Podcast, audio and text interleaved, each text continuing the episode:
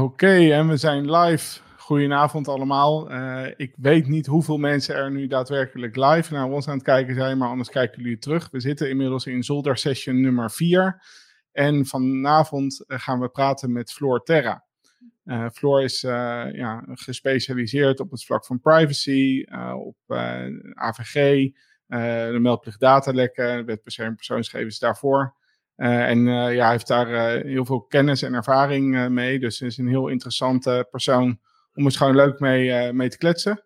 Nou, we willen ook vaker met leuke mensen kletsen op het gebied van security. Um, dus we hopen dat we met Floor eigenlijk de toon zetten om dat vaker te doen. Dus Floor, hartstikke bedankt dat jij als eerste hier aan mee wil werken. Ja, hoe is het met je? Ja, dankjewel dat ik mee mag doen. Ja. Gaat goed. Uh, ja, een paar weken thuis uh, zitten uh, is wel even. nou ja, ik ben, ik ben eraan gewend. Maar ik kijk wel naar uit om weer met iedereen gewoon face-to-face samen te werken. Ja. Maar verder gaat het goed. Ja. nou, lachen. Werk, werk gaat gewoon door. Ja, dat, dat zal wel. Ja, het is ook nu uh, dat niet, niet zo dat er minder mensen gebruik maken van IT-diensten waar mogelijk iets uh, uh, mee mis kan zijn in de sfeer van privacy, zou ik zo zeggen. Veel, veel nieuwe projecten die opgestart worden en veel vragen ook, ja. Ja, precies. Oké, okay, hey, en wat, wat wel geinig is, is jij, dat hadden we in het voorbespreking hadden trouwens over, jij zit voor een onwijs gaaf doek met allemaal leuke leuke badges erop. Kan je even toelichten wat dat allemaal is, waar we naar kijken? Ik, ik weet niet of ik ze allemaal kan uitleggen, maar uh, de, uh, ja, ik draag gewoon heel veel hacker-t-shirts, waaronder uh, nou, deze OpenBSD Puffy bijvoorbeeld. en sommige van die t-shirts zijn te leuk om weg te gooien. Er zitten gewoon goede herinneringen aan van vaak ook hacker-events of dat, dat soort dingen. Dus zonde om weg te gooien, maar ja, je kan ook niet zo'n oud t-shirt in je kast laten liggen. Dus uh, hebben die allemaal netjes op een kleed uh, genaaid. Uh. Ja, nou heel creatief en goed. En dan hoef je ook niet met zo'n nep greenscreen aan de slag te gaan en dat soort effecten in je, al je videochats. Want wij willen allemaal niet weten wat er achter dat doek natuurlijk schuil gaat. Dus dat, dat snap ik wel. Ja. Een wasrek en twee kasten. heel mooi, heel mooi. En is er eentje bij waarvan je, waar je echt bijzondere, de meest bijzondere herinneringen koestert? Oei. Als je die zo ziet? Even kijken. Ah, die is hier niet, niet zichtbaar. Die zit hier net achter mijn rug. Maar een uh, oude van uh, I Hack My... Uh, wat is het?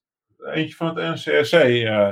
van I Hack My Government and All I Got Was This Lousy T-shirt. Daar ben ik wel oh, trots op.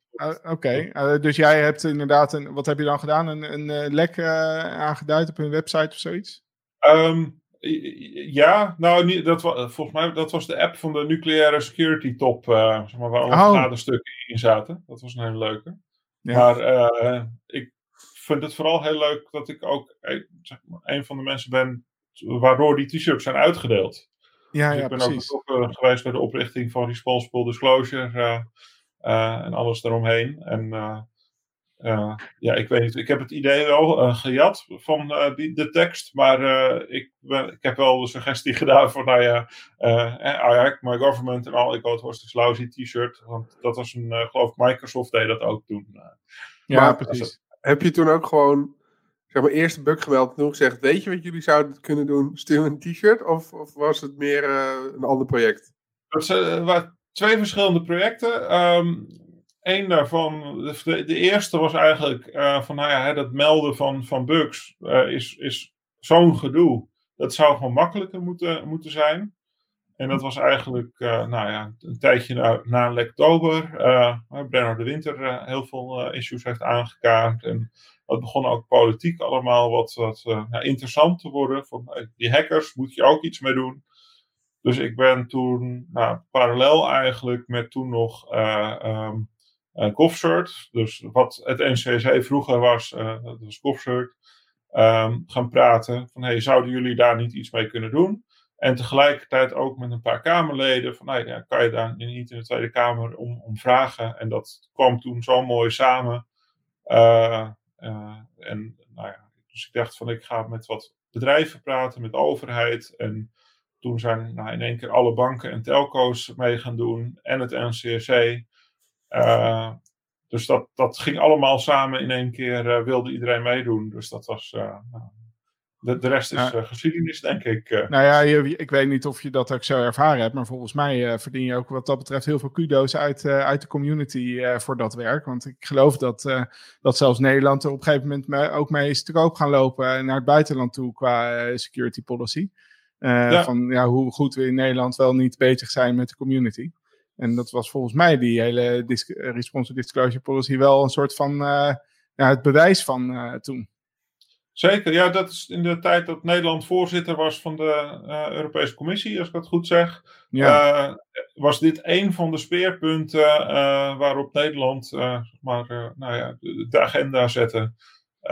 en nou, helaas nog niet echt zoveel steun in het buitenland als ik had gehoopt. ik denk dat heel veel andere landen er nog niet zo, zo ja, zo ver in zijn. En sommige zijn er ook niet echt uh, ja, uh, geschikt voor. Die hebben gewoon iets andere cultuur. Daar gaat het eigenlijk wel goed. Uh, um, maar ja, dat is wel. In, hier in Nederland werkt het heel goed. Ja, ja mooi. Oké. Ik zat nog te denken, want, wat je aangeeft, van, ik was ermee bezig. Er waren wat mensen aan het praten. En nou, op een gegeven moment banken en telco's en andere instanties die meedoen het klinkt heel uh, organisch. En van, ah, dat ging allemaal van, vanzelf. Is het ook echt zo... Is het ook echt zo gegaan? Want dat zijn niet de, per, per definitie de bedrijven die het makkelijkst schakelen, zeg maar. Nee, ik, ik, het, ja, ik weet niet. Ik, ik was gewoon heel naïef daarmee bezig. Ik denk van, nou, dat, het is... Uh, ik, ik zag het als een goed idee uh, om een soort beleid te publiceren van uh, als je een lek vindt, uh, dan gaan we er zo en zo mee om. En dat vinden we heel fijn. En misschien krijg je zelfs een leuk cadeautje. En ik dacht van nou ja, als ik nu één organisatie kan vinden die gewoon bekend staat als van nou, in ieder geval grote belangen bij heeft en bekend staat als een beetje terughoudend, heel erg risicomijdend en dan kan, kan dat als een heel leuk uh, voorbeeld dienen. Dus ik denk van, nou, ik, ik, had al wat dingen aan de hand gehad bij, bij, uh, bij een bank. En ik had ook nog wel wat mensen bij, bij uh, telco's die ik kende. En ik dacht, toevallig ook mensen van GovCert tegenkomen op een conferentie. Um, dus ik dacht gewoon, ik ga gewoon proberen en ik kijk wel. En als er eentje goed reageert, um, ja, dan heb ik een mooi voorbeeld.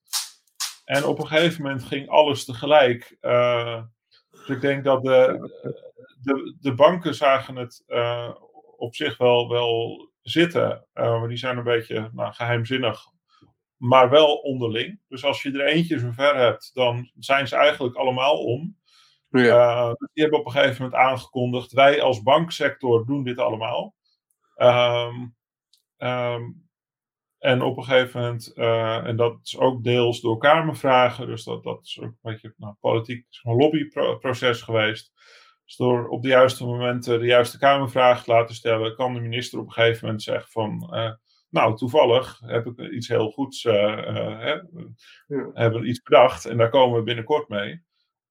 En ik denk dat de telco's zoiets hadden van, ja wacht even, als dat nu is aangekondigd, wij willen de eerste zijn dus een flink deel van de telco's zijn toen samen ook naar buiten gegaan van wij willen dit ook. Um, dus toen op een gegeven moment, ja, ik dacht ik wilde er eentje hebben en toen was eigenlijk iedereen uh, om. Bizar. uh, dus dat is uit de hand gelopen, maar op een hele positieve manier. Ja, gaaf. Wat voor tijdsbestek hebben we het dan over? Oei.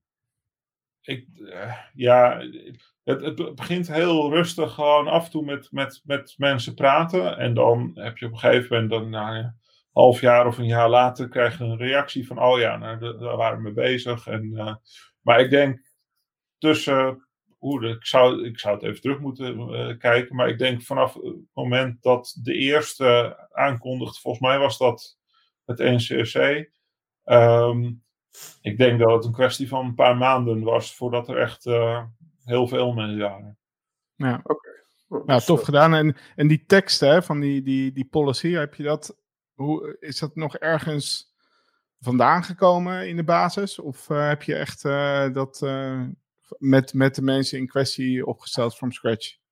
Um, nou, er zijn een aantal teksten geweest. Er zijn, het, het begon eigenlijk, in ieder geval hier in Nederland, met het NCRC, die een soort richtlijn heeft gepubliceerd. Nou, eh, of een leidraad heet het geloof ik, of richtsnoer.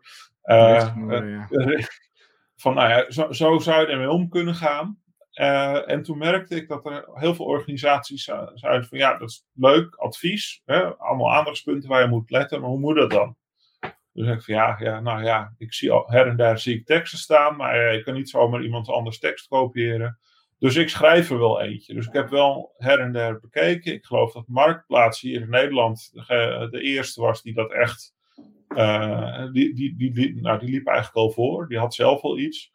Maar ik denk, ik heb de belangrijkste ideeën gepakt en um, die ook nog ietsjes meer uh, naar het belang van de hacker toe uh, uh, geschreven. Want ik merk dat heel veel bedrijven hebben de neiging om er een soort NDA in te zetten. Van nou ja, als je besluit om uit goede wil ons te helpen, moet je wel beloven alles wat je, waarmee je ons helpt geheim te houden.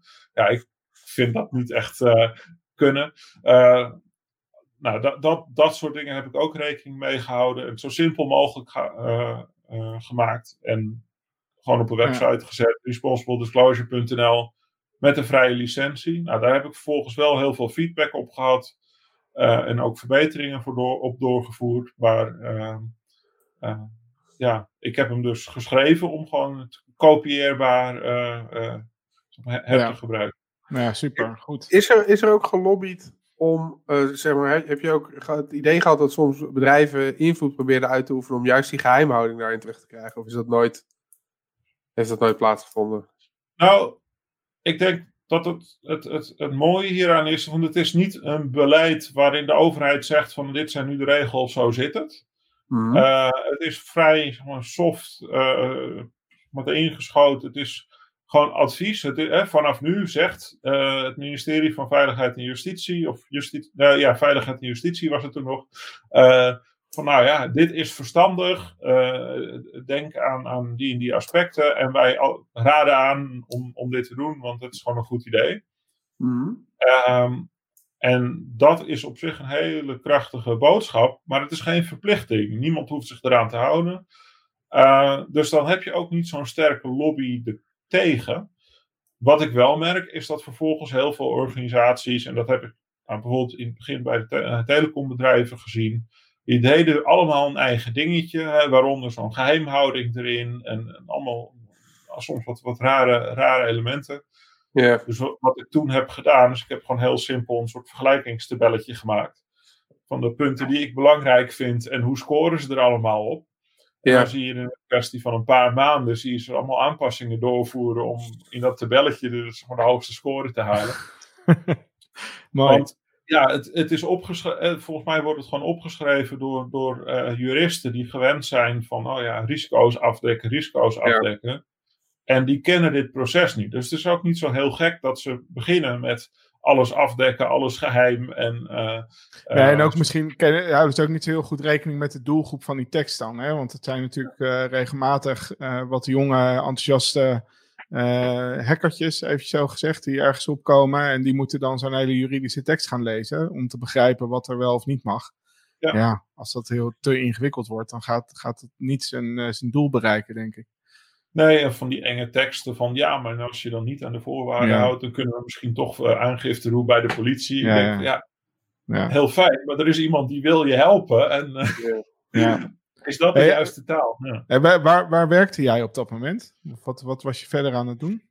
Oei, ik volgens mij was ik toen nog uh, wat freelance ontwikkelwerk aan het doen, her en der. En er zijn een paar ja, parallele uh, traject. Het is op een gegeven moment. Ik denk dat ik. Nou, to, toen het een beetje begon te lopen, ben ik bij de autoriteit persoonsgevers gaan werken. Dus, maar dat is volkomen los. Uh, ja, dat wou ik zeggen, want dat, dat, ja. uh, ik, ik, af, af en toe als ik jou voorbij zie komen op Twitter, dan, dan daar blijkt uit dat je ook zeer ja, veel weet van programmeren. Dus je bent eigenlijk van origine, denk ik, uh, gewoon echt wel programmeer, softwareontwikkelaar. Of ik weet niet, ja, hoe, ja. Of je daar zo'n label aan wil geven per se. Maar wat, ben je daar in die zin zo, zo ja, vanuit de studie ingerold? Of ben je meer hobbyist in de achtergrond? Uh, ja, nee, ik, uh, hobby, ik ben begonnen gewoon als hobbyist. Dus ja. ik heb mezelf uh, gewoon leren programmeren omdat ik het leuk vond. Ja. in mijn studie wel heel veel aan gehad. Ik heb natuur- en sterrenkunde gestudeerd. Niet afgemaakt, maar wel heel, heel veel aan gehad. Sterrenkunde nog wel? Ja. Nou, wat leuk. Dus dan nou, kom je veel in aanraking met, met data-analyse, modelleren, dat soort dingen. Dus super handig als je dan kan programmeren. Um, maar ja, gewoon, ja, ik had op een gegeven moment ook andere dingen te doen. En dat ging dan niet zo lekker samen met mijn studie. Uh, en ja, ik heb altijd de techniek heel leuk gevonden. Maar dan vooral gewoon uitzoeken hoe dingen werken. Of hoe, hoe, hoe je iets kan, kan aansturen of, of, of beïnvloeden. Uh, maar nooit echt als doel op zich. Nee. Um, en, en ik heb ook altijd wel uh, uh, ja, privacy, mensenrechten heel belangrijk gevonden. dus ook nou, heel, veel actief geweest bij Bits of Freedom bijvoorbeeld. En daardoor dus ook gaan verdiepen in, in de wetgeving. Van, ja, ik kan er best wat van vinden, maar wat, wat zijn de regels nou eigenlijk precies? Um, en dat kwam eigenlijk allemaal heel mooi samen toen ik uh, bij de AP ben gaan werken. Of ja. toen nog het CWP. Ja, want volgens mij was um, in die tijd dat het ook speelde met die responsible disclosure, dat was uh, inderdaad, ja, dat was inderdaad het nucleaire summit. NSS was dat volgens mij, heette dat. Die werd toen, werd, wordt eens in de zoveel jaar georganiseerd en telkens in rolerende landen. En wij waren toen een keer aan de beurt. Uh, en volgens mij, oh nee, was het Nee, wat ik weet alweer. Want je had ten eerste en, en uh, die uh, nucleaire summit. Maar het jaar daarna, volgens mij, had je ook een cyber uh, summit.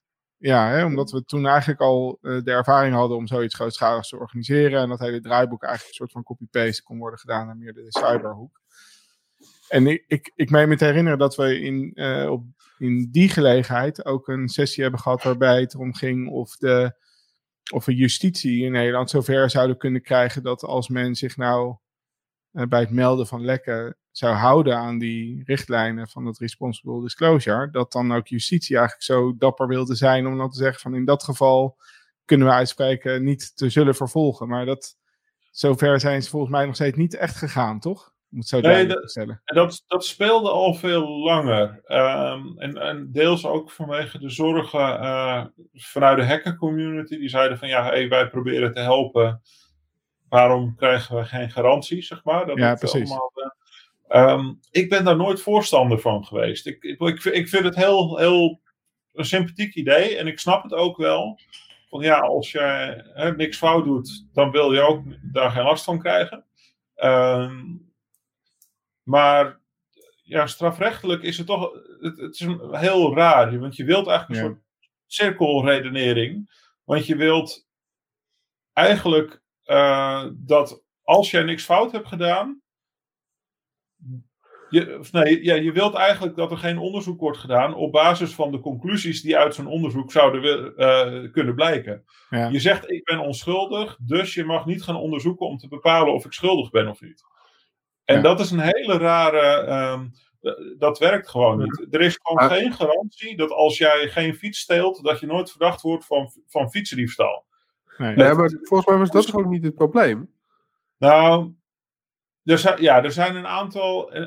later is die discussie genuanceerder geworden. Uh, maar in het begin was het was wel echt de vraag vanuit een groot deel van de hacker community, in ieder geval een, een, een heel, uh, uh, zeg maar, uh, een hoorbaar deel van de, van de hacker community van nou, wij, wij willen toch garanties dat er ook geen vervolging uh, plaatsvindt. Nou, dat, dat, dat is niet realistisch.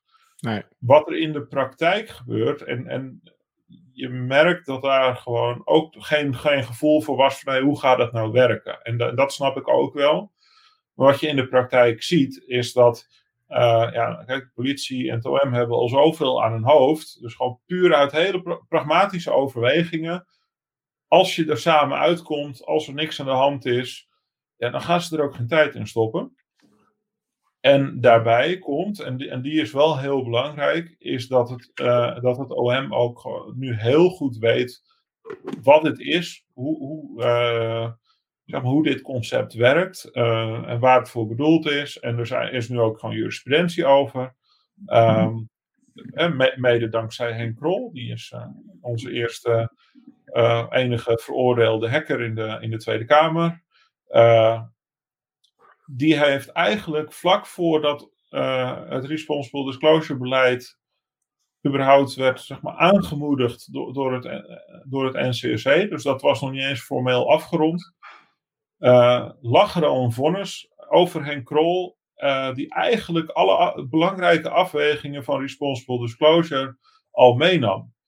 Want Henk Krol is wel veroordeeld, maar niet omdat hij het lek heeft aangetoond, maar omdat hij vervolgens daar te veel mee heeft gedaan. Zoals bijvoorbeeld van, van, uh, geloof van vrienden van hem opzoeken uh, wat, wat voor medische informatie in het systeem stond. Ja, dat is niet de bedoeling. Dus dat was een heel mooi vonnis ook om te lezen. Van nou ja, we zien het maatschappelijk, de rechter zag het maatschappelijk nut van het aantonen van misstanden op die manier. Uh, maar niet hè, je mag er niet te ver in gaan. Ja, ja ja, dat, ja ik, ik denk ook dat dat technisch, wetstechnisch inderdaad ook gewoon hetgeen is wat je hooguit kunt bereiken. Dat inderdaad het inzicht er is van oké, okay, zolang iemand dat inderdaad duidelijk te goede trouw doet en daarin uh, ook de, uh, kiest om binnen grenzen te blijven, om te kunnen doen wat hij moet doen, om iets aan te tonen, zeg maar. Dan daar, dat begrijpt men en, uh, zal, en, en, daar zoveel is volgens mij toen ook wel uitgesproken van dan, dan is echt niet de bedoeling dat we dat gaan vervolgen. Maar ja, je moet wel zorgen dat je inderdaad binnen die grenzen blijft. Want anders dan, uh, dan maak je het jezelf mogelijk moeilijk. Dus denk ook gewoon goed na over wat heb je, wat heb je echt nodig om iets te kunnen aantonen, zeg maar, aan informatie. Maar dat is nog best lastig hoor, vind ik ja. altijd. Want dan, je vindt wat, dan denk je, oké, klopt dit wel? Even, en dan, voor je het weet, zit je zeg maar, oké, maar kan ik ook alle tabellen uitlezen? Weet je, ja. die heb je totaal niet nodig, maar ja, en een van de meest frustrerende dingen die ik kan tegenkomen is van ja, ik weet dat ik erin kan. En dan zeg ik, je hebt een lek. Zeg ze ja, nee hoor. Ja. En dan, ja. ja. Dan heb je toch wel iets meer nodig soms. Uh, en, en dat, dat is een hele lastige. Maar dat is dan toch ook prima proportioneel, die actie? Als je dat dan doet? Ik, ik denk dat het heel erg van afhangt. Ik, ik ben er zelf altijd wel voorzichtig uh, in. En er zijn ook gewoon alternatieven. Je kan namelijk ook gewoon uh, melding doen bij de autoriteit persoonsgegevens. Bijvoorbeeld. En dan? Um, nou, ik heb het laatst geprobeerd. Um, want ze hebben, een, ze hebben een nieuw formulier. Uh, er is nu een specifiek stukje van een klachtformulier. Waarbij je ook als zeg maar, buitenstaander nou, niet een klacht kan indienen, maar een, soort tip, kan geven over een datalek. Dus dat is niet een, da een, een, een datalekmelding die je, die je verplicht bent te doen als je zelf datalekt, maar een melding van hé, hey, ik zie hier iets dat, dat niet in orde is. En um, nou, er zitten twee kanten aan eerste is dat je helemaal niks hoort over uh, de opvolging. Dat is heel, heel logisch, want ja, ze kunnen niet zeggen of, je, hè, of er een onderzoek loopt en zo ja, zeg maar, wat om de stand van zaken precies is. Hmm. Want dat onderzoek is vertrouwelijk, zolang er geen, geen rapport zeg maar, gepubliceerd is. Hmm. Um, dat is heel frustrerend, maar ik begrijp het volkomen. Ik heb ook aan de andere kant gezeten. En dat kunnen ze gewoon niet maken om, om dat te delen. Mm -hmm. maar aan de andere kant, um, als ik zie waar het lek zit, kan ik wel blij, in de gaten blijven houden hoe lang het open blijft staan. Ik ja. geloof dat deze binnen twee weken toen gedicht was. Terwijl ik hem, ik denk, meer dan een half jaar daarvoor bij, bij degene gemeld had uh, die hem open had laten staan. Hm. Hm. Dus. Is het dan toch een soort van, nou ja, een overheidsinstantie neemt contact op? Uh, dus dan ga ik toch wel wat doen of zoiets. Dus het zal het wel echt zijn. Uh, ja, en, en, dit was een beetje een lastig geval, want het was een, uh, het bleek ook nog eens een soort van, ja, één persoon met, die bij meerdere bedrijven betrokken was. En ik had het volgens mij bij het verkeerde bedrijf gemeld, maar wel met alle juiste contactgegevens van de persoon erbij. Mm -hmm. uh, dus het is dan vervolgens intern dan ook niet goed opgepakt. Um, dus dat maakt hem even ja, eh, wat lastig om te zeggen van oh ja, het, is veel te lang uh, geduurd. Ja. Maar het, ja, uh, het helpt wel, ja zeker. Zeker als de autoriteit persoonsgegevens contact opneemt, dan is het niet meer vrijwillig. Maar dan uh, moet je wel. Ik moet zeggen, hebben ze dan zo snel gereageerd binnen twee weken omdat jij uh, precies wist... Nee, want je moet ook gewoon een formuliertje invullen. Ja. Hoi, Floor hier. Ja, je gaat bel. even, dit moet je even doen. Ja. Ik, ik, nee, ik, ik weet wel zeker dat degenen die het hebben opgepakt weten wie ik ben. Ja. Ja, ja ik ben dan benieuwd of dat altijd zo... Uh, want ik vind twee weken voor een overheidsinstelling vind ik best prima. Ja, maar het, het was ook een nieuw formulier. Dat bestond nog niet zo lang. Uh, dus het was wel met dit, doel opgezet. En dat kan ook te maken hebben met andere dingen waar ik mee bezig ben. Want ik, ik zoek nog wel eens naar lekken. En dan kom ik dit soort lekjes. Uh, ja, soms in tientallen of honderdtallen of soms met meer tegen. Um, En dan is het ja, lastig om die allemaal e-, één voor één bij de, bij de zeg maar, eigenaar te melden. Want soms weet je niet, uh, zeg maar, ja, heb je alleen een IP-adres en je hebt bijvoorbeeld een, een, stuk of tien backups van virtual machines erin staan. Ik, ja, die ga ik niet allemaal openen. Uh, Maar ja, van wie is die dan? Ja. Eh, ga je dan bij de internetprovider melden? Moet je dan iets anders? Maar het, het ziet er wel belangrijk uit. Um, dus vaak bij dat soort acties heb ik nog een bulk over. Dat ik denk van ja, het is zonde om open te laten staan. Maar zit de AP te wachten op in één keer een bulk aan werk uh, van mij? Gaan ze er dan iets mee doen? Dus dat verzoek heb ik wel gedaan. En daar ja, weet ik nog niet helemaal van hoe dat gaat, gaat komen. Maar de realiteit voor, voor dit soort dingen is gewoon dat het, ga, dat het niet om individuele zaken gaat. Soms kan je in een middagje gewoon tientallen of honderden of duizenden datalekken vinden. Ja. En daar moet ook iets mee gedaan worden. Ja. ja. Hey, en um, uh, volgens mij hebben we toen dat een beetje vanuit de hoek van responsible disclosure, of in ieder geval de, aan, de, uh, aan de andere kant van de oceaan, een beetje zo vanuit Microsoft en Katie Mansour is natuurlijk toen op een gegeven moment het Hacker One initiatief uh, ontstond. En inmiddels hebben we meer uh, van dat soort platforms, natuurlijk ook onze vrienden van uh, Zerocopter in, uh, in Nederland. Denk je dat dat een goede ontwikkeling is? Want het is een soort van ja, commercialisering in feite van dat, van, de, van dat principe van de responsible disclosure. Ik ben heel benieuwd, want ik heb daar ook wel mening over. Dus ik ben ook heel benieuwd. Oh, ja ik, um, ja, ik ben er heel positief over, maar er zitten wel een paar punten aan. Uh, en, en ik denk dat zeker als je naar uh, kijkt, dat die daar heel sterk op is. Ja. Je, het, het, het, is niet onvoorwaardelijk goed. en da daar zitten een aantal elementen in. Nou, waaronder bijvoorbeeld de NDA's die ik eerder al heb genoemd. Oh, ja. um, wat ik heel vaak tegenkom, is dat bedrijven bij zo'n bug bounty platform zich aansluiten.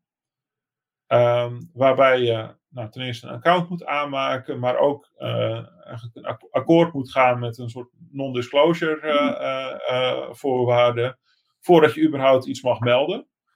En die non-disclosure voorwaarden zijn dan vaak ook nog eens voor gewoon zo'n onbepaalde tijd mag je niks zeggen, tenzij de, de eigenaar van het systeem zegt, hè, bepaalt dat het uh, gepubliceerd mag worden. Maar ook hebben dus, dus als je dus je, je organisatie of jouw website, wat je ook hebt, zeg maar, wil aanmelden, dan bepaal jij zelf dus wel onder welke voorwaarden er uh, gemeld uh, wordt. Of mag nou, um, ja en nee, want in principe kan ik ook gewoon de helpdesk uh, bellen en zeggen van ja joh, je hebt een probleem. Wat nou voorwaarden? daar trek ik ja. me niks van aan. Maar wat, wat ik vaak zie, is dat bedrijven die zich aanmelden voor zo'n bug bounty platform, dan vervolgens alles buiten houden en verwijzen naar het bug bounty platform. Waar dan soms ook, nou, wat mij betreft, onredelijke voorwaarden aan zitten. Ik hoef die bounty niet. Ik wil het gewoon gemeld hebben. En ik ga geen NDA tekenen omdat jij anders geen hulp wilt accepteren. Dat, dat vind ik absurd. Uh, ik, ik weet het al. En kijk, als je, als je mijn hulp niet accepteert, prima. Dan kan ik het op Twitter zetten. Ik heb geen NDA getekend.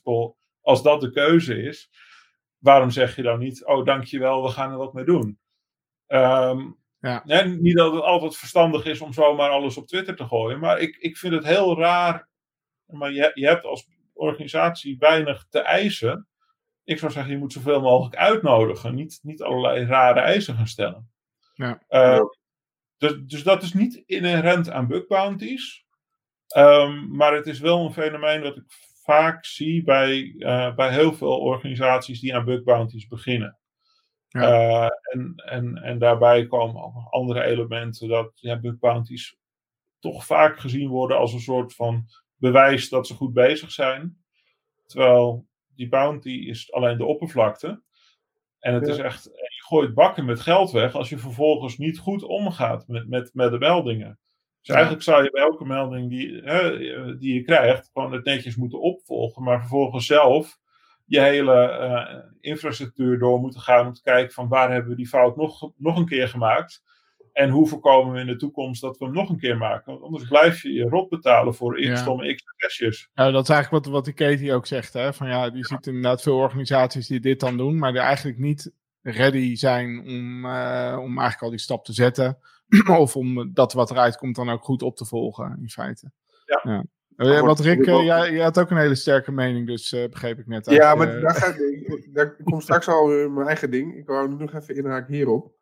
Maar Um, dan, wat ik ook merkte is dat je uh, zo'n zo'n bug bounty soms gezien wordt als alternatief voor een pentest. Ja. Um, en ik denk dat de twee prima naast elkaar kunnen bestaan en ook wel naast elkaar moeten bestaan. Um, want uh, ik, ja, dat is ook weer een, een, reden daarvoor is dat ik zie bijvoorbeeld ook best wel wat jongens dan twitteren over bug bounties. En is het van ja, je moet geen open redirects melden. Uh, want uh, wie weet kan je er nog uh, server-side request forgery van maken. Dan denk ik, ja, ja, maar hè?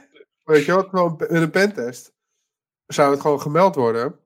Want de bedoeling is namelijk zoveel mogelijk kwetsbaarheden vinden en je klant veiliger maken. In plaats van dat je je, je bounty zo hoog mogelijk aan het maken bent.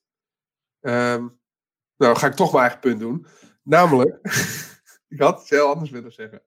Uh, nee, wat, dus en dit is eigenlijk een inleiding voor, voor wat, ik, wat mijn probleem met, met bug bounties is. En dat is met name dat er nu nieuwe jonge hackers die nu iets aan het leren zijn en nu uh, ja, eigenlijk kijken naar die gasten die nu geld binnenharken en die zeggen, ja, ik heb dit jaar al een ton of een miljoen binnengehaald met bounties. En dat is natuurlijk ja, fucking vet en soms zit er ook echt al mooie bugs tussen.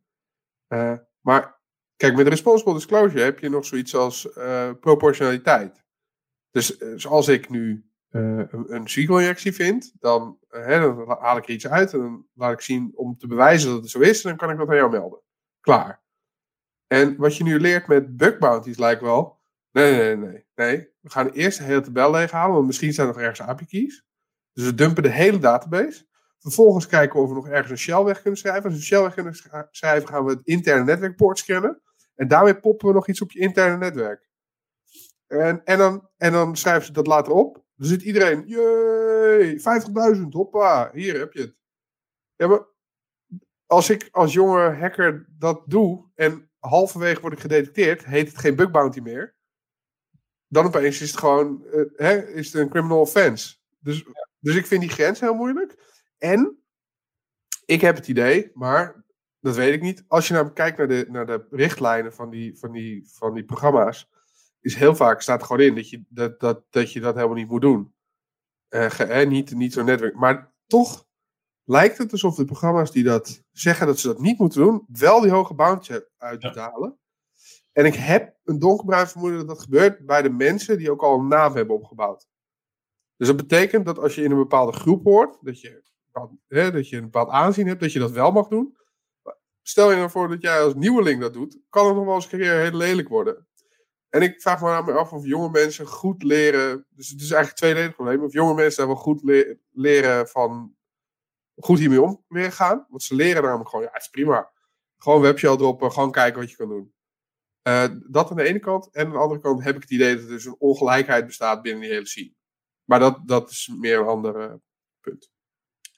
Ja. ja, die goede beloningen uh, uh, bedenken. Hè, als, het, als je beloningen echt tot een doel op zich maakt, is echt heel lastig. Want dan krijg je dus allerlei rare incentives om, om niet, uh, ja, niet de problemen te melden, maar inderdaad die beloning te maximaliseren. Ja. En ja. Dat, dat, is, nou ja, ik, en ook wat ik lastig vind is dat heel veel uh, hackers gewend zijn nu dat ze overal een beloning voor horen te krijgen. Terwijl ik denk ja, als, hè, bij een bug bounty snap ik dat. Dan word je uitgenodigd. al dan niet publiek, maar gewoon, hè, dan, dan zegt een bedrijf: kom bij ons hacken en wij, wij, wij delen beloningen uit. Maar ik vind het heel raar dat het nu bijna de norm is dat als je maar een willekeurig bedrijf weet te hacken, ook al is het met iets heel stoms, hè, gewoon een of andere security header die totaal niet relevant is, niet, eh, niet aangezet of zo. Ja. ja uh, dat daar meteen een beloning tegenover hoort te staan. Ja, ja. Ik, denk, ik, denk, dat dat, dat dat heeft denk ik een beetje te maken met dat er natuurlijk ook een, een, voor een deel een beetje een idealistische grondslag achter zit. Dat er, dat er mensen op de wereld zijn met hele goede bedoelingen en die eigenlijk in hun vrije tijd proberen om de boel veilig uh, te maken. En daarbij dingen vinden. En dat, dat als er een, een model zou zijn waarbij die mensen in een, iets, een vergoeding kunnen vinden voor hun, uh, voor hun werk, dat dat op zich wel uh, positief zou kunnen werken. Alleen ik denk dat het het omgekeerde effect eigenlijk veel groter is. Dus door, door het betaalbaar te maken, dat je ineens nieuwe mensen creëert die ook mee gaan doen uh, in het, naar het zoeken, omdat ze denken op daar, daar dus inderdaad iets mee te kunnen verdienen. En dat ja, het effect eigenlijk langzamerhand een beetje wegraakt van ja, wat, wat, uh, wat hou je er echt aan inzichten uit. Uh, tenminste, ja het zal, in, het, het zal gerust zo zijn dat het, uh, dat het ook heel vaak wel goed werkt. Weet je? Dus ik wil het ook verder niet per se de kop indrukken of zo.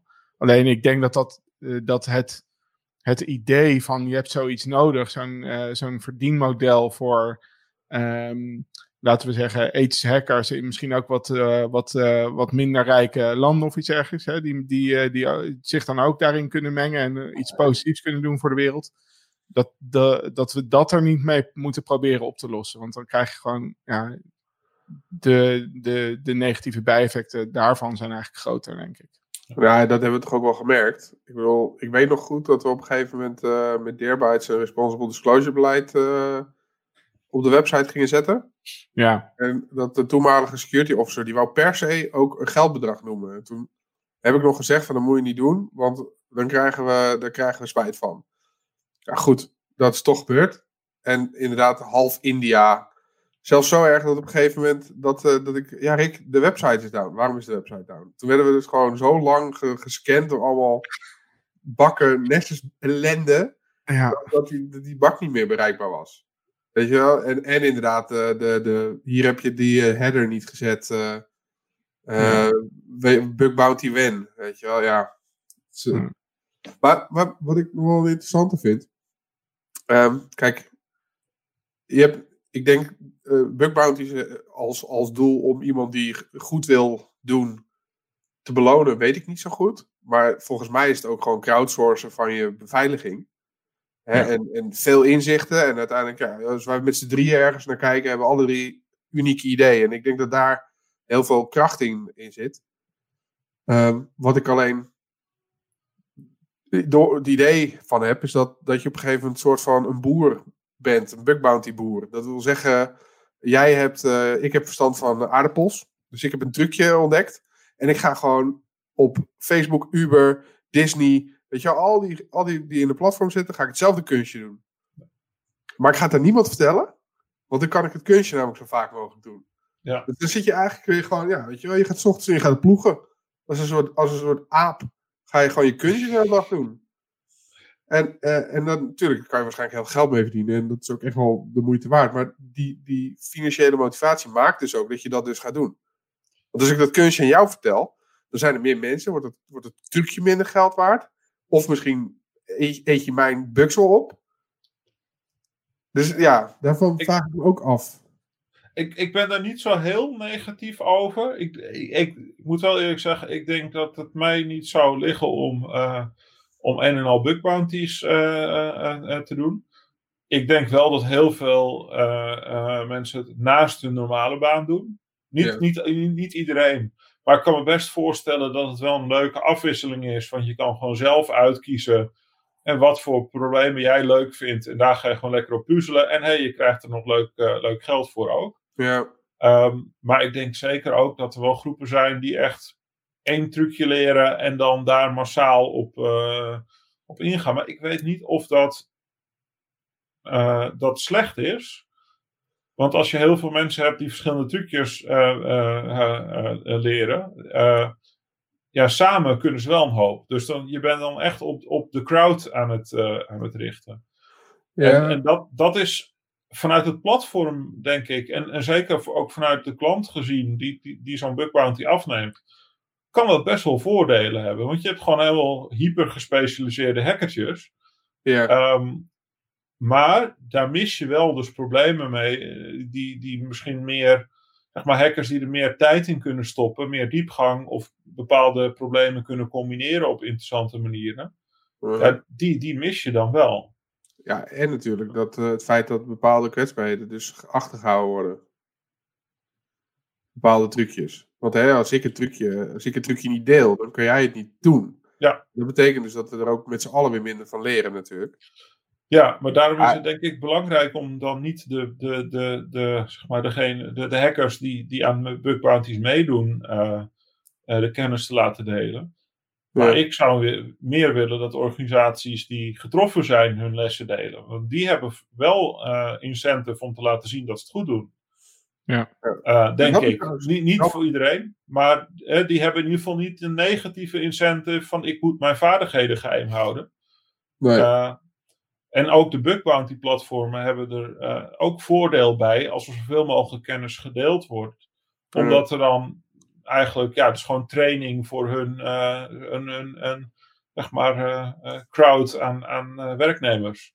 Ja, die, die write-ups, ik weet niet of je die wel eens leest. De, af en toe.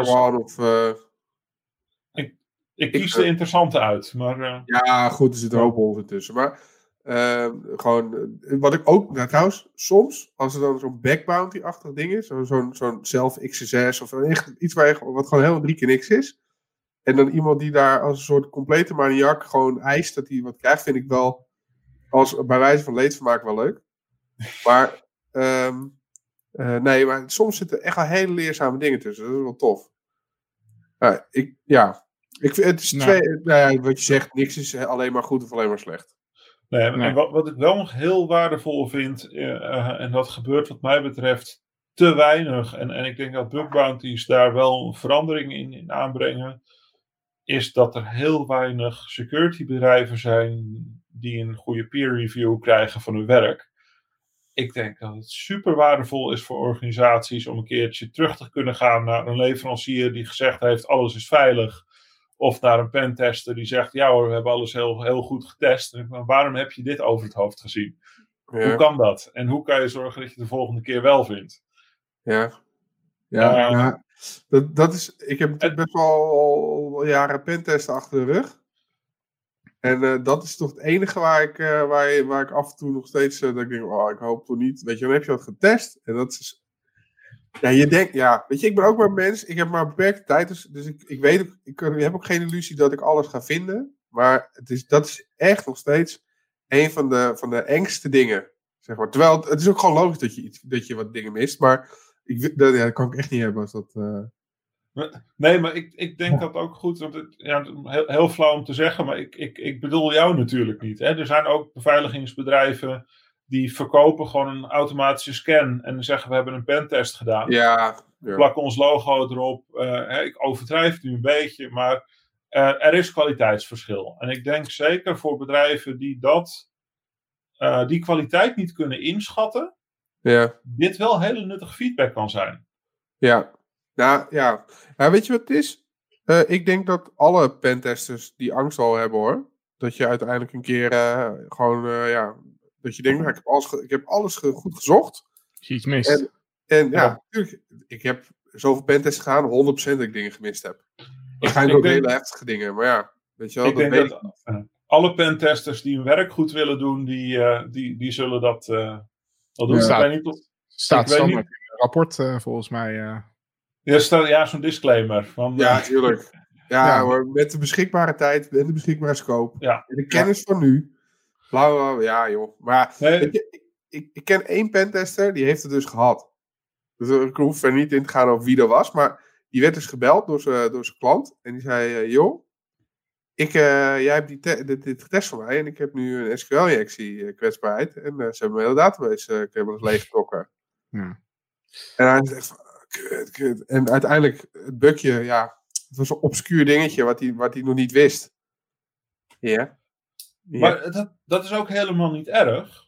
Maar ehm, zeker als je bijvoorbeeld spullen koopt van een leverancier en die zegt het is allemaal super veilig en uh, gebruik allemaal veilige ontwikkelmethoden.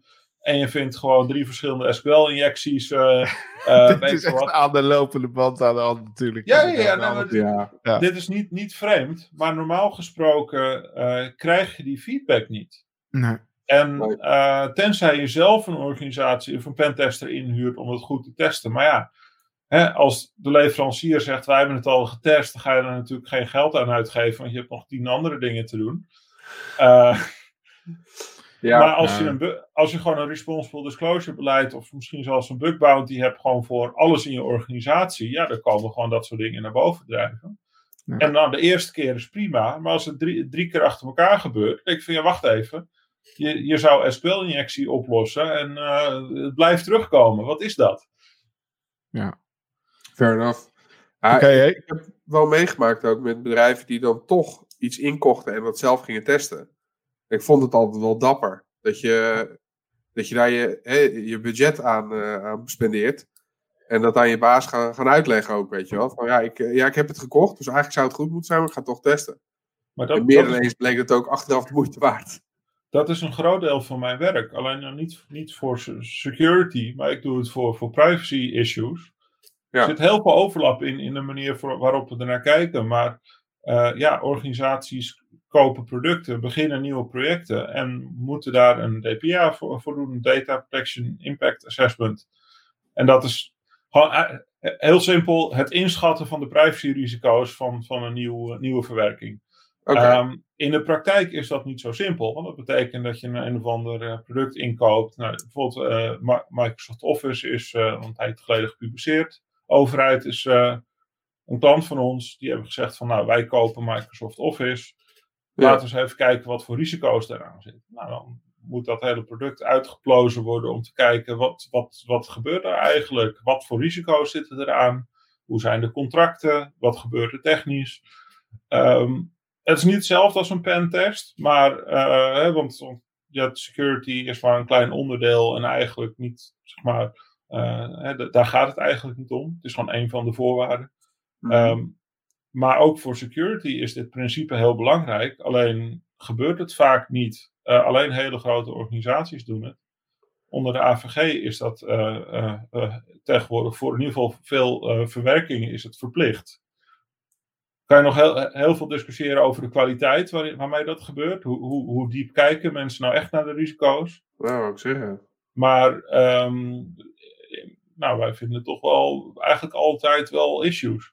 Ja, ja want jij, bent, jij, jij, jij bent dus op een gegeven moment um, uh, meer vanuit die, die hoek, vanuit die uh, ja, uh, responsible disclosure hoek en vanuit je prog programmeerachtergrond langzamerhand dus echt richting die privacy, privacy domein geholpen. En eigenlijk door je eerste stap bij de autoriteit zit. Maar dat heette toen denk ik nog de, het College Bescherming Persoonsgegevens, hè? Klopt, ja. ja. In die, in, dus in de tijd van de WBP. Ja. Wet Bescherming Persoonsgegevens, ja. Klopt, ja.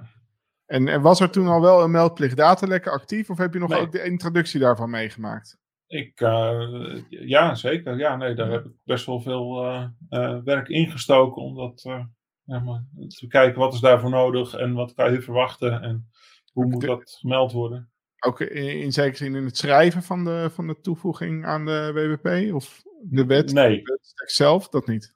Nee. Wel in het implementatietraject van nou, hoe ga je daar, wat voor voorlichting moet je geven, hoe moet je dat uitleggen. Uh, want zo'n wetstekst is dan niet meteen geschreven met zeg maar, eh, begrippen als ransomware of zo in gedachten moet je uitleggen.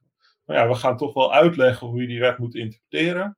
Ja. Dus dan moet je wel ja, realistische voorbeelden noemen. En, en niet alleen maar uh, iemand heeft een papieren dossier in de trein laten liggen of, uh, uh, ja, of een mailtje aan de verkeerde gestuurd of de post is kwijtgeraakt of mijn telefoon is gestolen. Maar ook, ja, je wordt gehackt. Dat gebeurt nou eenmaal best vaak. Uh, of of uh, in ieder geval als je kijkt op grote schaal. Want het gaat eigenlijk over alle bedrijven en overheidsinstellingen die in Nederland actief zijn. Ja, op, op, op de IVD en de politie na, zeg maar. Ja. En, en dus ja, dat gebeurt op die schaal gebeurt dat best wel. En dan moet je dus ook rekening mee houden. Hoe leg je dat uit? Wat zou je moeten melden? Wat kan je überhaupt melden? Ja, ja want wat er gebeurde was dat door de, voor de introductie van de meldplicht datalekken was er dus de wet bescherming persoonsgegevens er. Wat, wat onze interpretatie of onze afgeleide was van, van de Europese richtlijnen. Ja.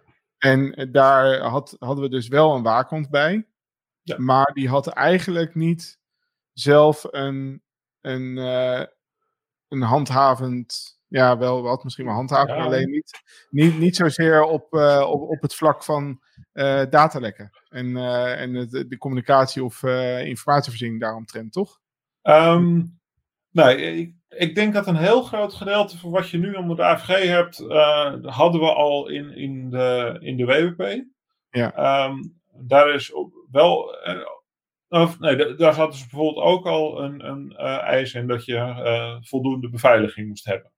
Ja. was heel vaag, dus heb je heel veel. Uh, maar moet je heel veel moeite voor doen om goed uit te leggen wanneer iets nou wel of niet een overtreding is. Want je moet passende maatregelen nemen.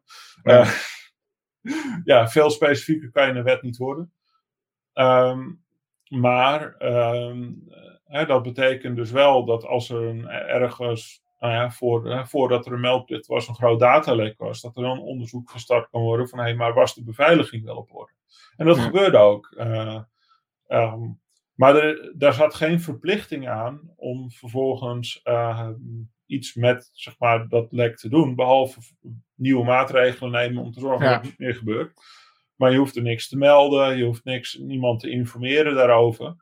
En ik denk dat heel terecht dat, dat en dat is voor mij vooral begon, echt begonnen in Europa, met het idee van ja, er wordt zoveel verborgen gehouden van, die, van alles wat misgaat.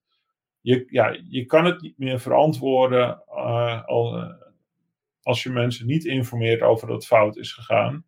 En in de wat dat, nou, grensgevallen waarvan je zegt het is misschien niet heel ernstig, uh, hey, daar hoef je mensen niet mee lastig te vallen. Heb je nog een soort tussencategorie van wel melden bij de toezichthouder. Zodat die in ieder geval kunnen controleren van handel je het wel goed af. Ja, nou, nou volgens mij was er toen al wel de... Um, in Amerika hadden we, in, ik, volgens mij ook in de UK ook, en in, maar in ieder geval ja. in Amerika kwam je veel van die staartjes, werden dan ook online gezet over de, volgens mij was dat de HIPAA, namelijk dus in de gezondheidszorgwetgeving, daar waar al dus een Data Breach Notification uh, Act in, in gold. Dus daar zag je uh, ja, gewoon een soort van naming en shaming gebeuren over organisaties die, nou ja, neem ik ze, die zich eigenlijk zelf dus naar buiten traden. En iemand die bijhield wie, wie dat dus inderdaad allemaal gedaan hadden. Naar aanleiding van die wetgeving. Dus ik denk dat het ook daar wel een beetje door geïnspireerd is, toch? Dat, dat daar op zich de positieve effecten van werden ingezien. Uh, enigszins. Ja, dat vind ik even lastig om precies de achtergrond ervan te, uh, uh, van, wat er allemaal heeft meegespeeld. Um, maar um, ja, voor mij is het gewoon ja, gevoelsmatig al van ja, als je, jouw bank jouw geld beheert en ze raken je geld kwijt, dus kan je het ja. moeilijk uitleggen dat ze je dat niet even vertellen. Uh, ja. nou, persoonsgegevens is een slechte vergelijking hoor, want geld kan je niet kopiëren. Misschien een bank wel. Maar, uh, dus die vergelijking gaat op een gegeven moment, gaat al heel snel uh, gaat die kapot. Maar ja. de, het, het, principe van, ja, maar als je het, het lekt, dan kan, kan, jij er last van hebben. Dus moet je ervan afweten, zodat je misschien maatregelen kan nemen. Ja. zodat je misschien kan, kan zeggen van, oh jeetje, maar dit bedrijf heeft nu al voor de zoveelste keer mijn gegevens gelekt. Misschien moet ik maar ergens anders naartoe gaan. Ja, dat, dat, ja. Vind, dat is wel heel belangrijk. En, en Nederland is toen eigenlijk. Uh, ja, die, die, heeft een ru ruim een jaar een voorsprong genomen door te zeggen van ja, het komt Europees aan, maar wij gaan er zelf alvast mee beginnen. Uh, en toen is er in, in de WWP een meldplicht uh, geïmplementeerd die nou, verdacht veel lijkt op wat we nu al hebben. Ja, ja en de, volgens mij, wat net zei inderdaad eventjes snel over dat, dat, dat stukje over passende maatregelen. En veel specifieker dan dat kan je het eigenlijk ook in de wetstekst niet, niet formuleren. Maar ja, waarom is dat eigenlijk? Waar, waarom zou je niet inderdaad een soort van minimale eisen kunnen stellen of zo aan de beveiliging? Nou, omdat het.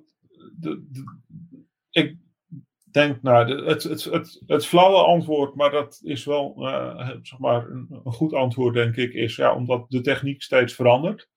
Ja. Um, als je kijkt naar, naar wat, wat meer sectorspecifieke uh, dingen, zoals van PCI, DSS, ja, daar, daar merk je toch ook al, hè, dat is voor, voor creditcardgegevens, uh, dat is geen wetgeving, maar dat is, uh, ja, als je mee wil doen met creditcardgegevens verwerken, moet je je daaraan houden. Ja. Daar merk je toch ook wel dat er wrijving ontstaat, omdat er bijvoorbeeld eisen in staan die niet helemaal relevant meer zijn.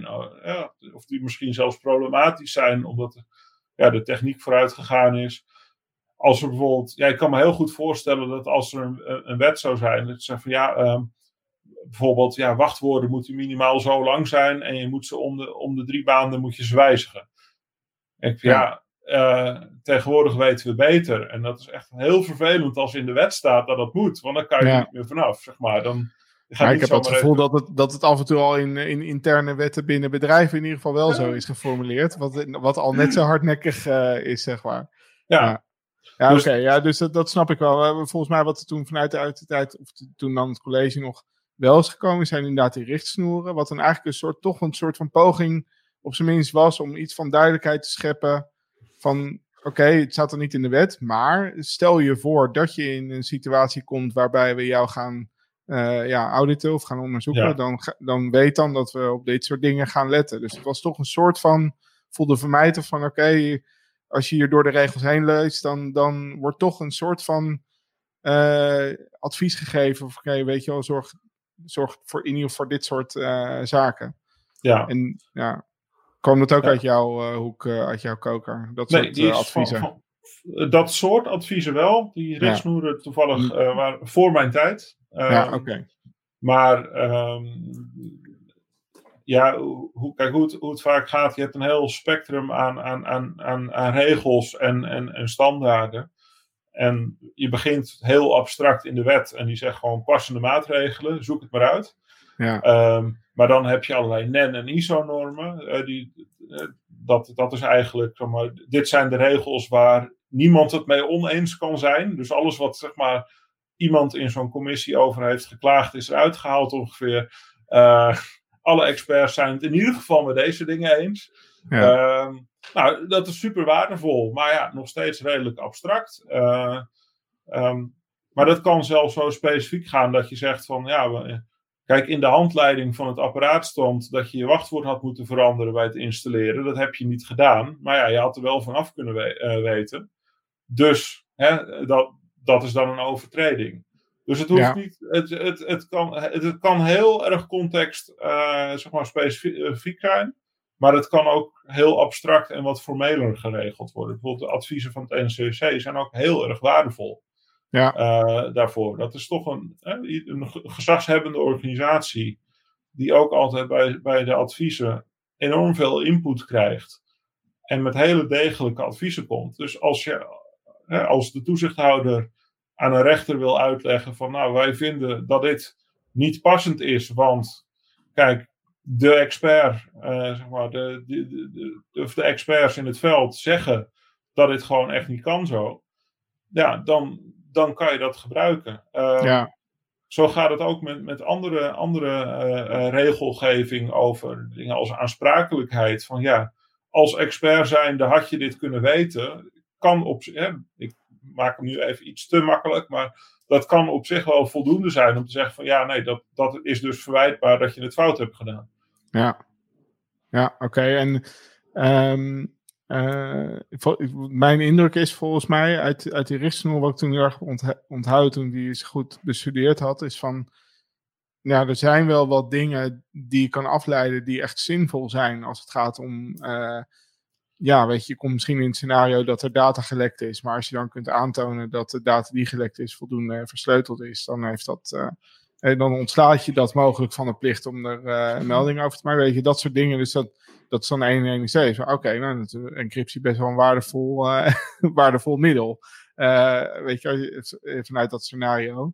Maar volgens mij wat, wat, wat met name heel erg naar boven dreef was van oké, ik, ik stel me dan de situatie voor van als, het, als de, het college van de autoriteit een onderzoek komt doen, dan is ongeveer de eerste vraag die gesteld zal worden na uh, van mag ik een kopje koffie, uh, is, zal zijn van uh, ja, kunt u ons al uw risicoregister laten zien? Met andere woorden, heb, ga je een soort van planmatig om met hiermee. Weet je wel? En want zo ja, oké, nou dan, dan kunnen we wat gaan vinden van jouw interpretatie van risico's en hoe je daar dan mee omgaat. En zo nee, nou dan weten we ongeveer wat, in wat voor situatie we terecht zijn gekomen. En dan, uh, ja, dan gaat het echt zoeken zijn naar, uh, naar wat je dan ad hoc uh, toch nog hebt gedaan. Ja. Nou, ja, en ik had het net verkeerd begrepen. Ik dacht dat je het over de richtsnoeren beveiliging had. En dit niet over de richtsnoeren voor de meldplicht datalekken. Nou ja, dat, zijn, dat zijn twee. Ja, allemaal richtsnoeren. Ja. Uh, nee, de, die voor de meldplicht datalekken heb ik wel aan, uh, okay. aan, aan, aan, mij gewerkt. Um, ja, het, de, het handige denk ik aan de AVG, en dat vinden heel veel organisaties super vervelend, maar als toezichthouder is dat heel fijn uh, is dat er veel zwaardere verplichtingen liggen op organisaties om zelf te laten zien dat ze het goed doen. Um, en dat betekent... Ten, dat is de AVG ten opzichte van WBP. Ja, Dan, dus dat, ja. Is, uh, en, dat is inhoudelijk, het zijn niet echt hele harde verschillen, maar het is, ja, er zitten gewoon een paar regels tussendoor. En deze staat ook heel expliciet genoemd. Van je, je moet kunnen aantonen dat je het goed doet, in plaats van dat de toezichthouder maar moet bewijzen dat je het niet goed doet. Nou, in de praktijk is dat niet zo zwart-wit, want als, je, eh, als er een boete opgelegd wordt, dan uh, moeten ze ook wel echt aantonen dat je het niet goed gedaan hebt. Maar daar, zit, daar horen dus allerlei aspecten bij, zoals het aanleggen van, van, van, van allerlei registers, van welke gegevens je überhaupt verwerkt maar ook een soort van incidentenregister, waarin alles staat wat, wat misgaat, wat, nou zeg maar, ook, nog net niet een meldplichtig datalek is, uh, moet je ook nog steeds registreren. Um, zodat je kan laten zien dat je het zorgvuldig doet. Um, en ja, dat kan dus ook betekenen dat er dingen in staan die je eigenlijk wel had moeten melden. Uh, maar dat je van mening verschilt over of dat had gemoeten ja. of niet. Um, maar, dat, ja, maar je merkt wel dat, dat, dat zeker ja, als je dit soort uh, toch vrij abstracte adviezen moet, of ja, richtsnoeren moet schrijven, is je weet niet of het gaat zeg maar, over de spreekwoordelijke bakker op de hoek of over een grote multinational met een gigantisch team aan, aan, aan, aan security en privacy experts.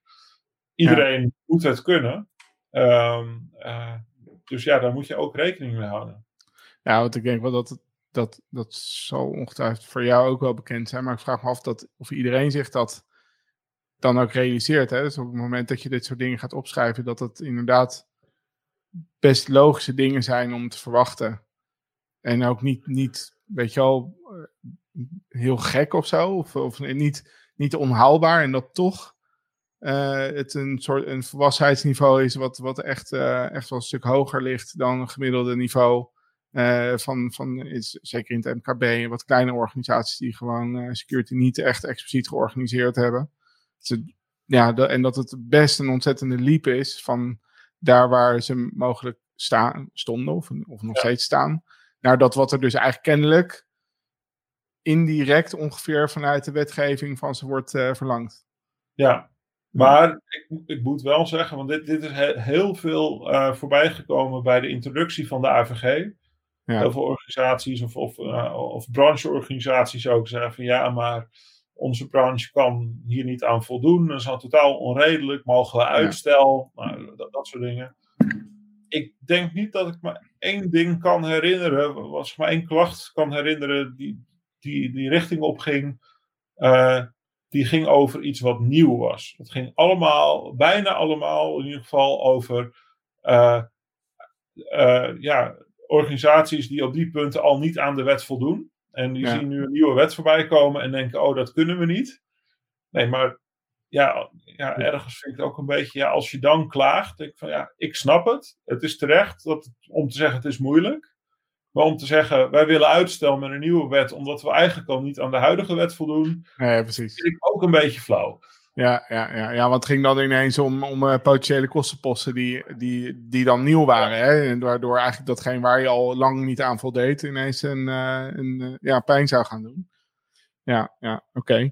Hey, en ehm, volgens mij was het zo dat, dat op het moment dat, eh, dat in, de, in het kader van de WBP, dus de Wet Bescherming Persoonsgegevens, de meldplicht datalekker werd geïntroduceerd, dat toen al duidelijk was dat, dat de AVG eraan eh, kwam. En dat er eigenlijk ook al de, de hele inhoud van die eh, wet eh, als soort van in een proefversie eh, beschikbaar was. Dus tegen de tijd dat de meldplicht datalekker werd geïntroduceerd, dan wisten we al met z'n allen van ja, het is ook goed dat we dit alvast maar even doen, want we krijgen over, ik denk twee jaar of zo heeft het tussen gezeten, of een jaar? Nee, twee jaar denk ik. Ja, het ergens ertussenin geloof ik. Ja, precies. of zoiets. Ja, dan komt eigenlijk dit, ditzelfde met gewoon, ja, vooral iets hogere eh, potentiële boetes nog, eh, nog vanuit Europa op ons af.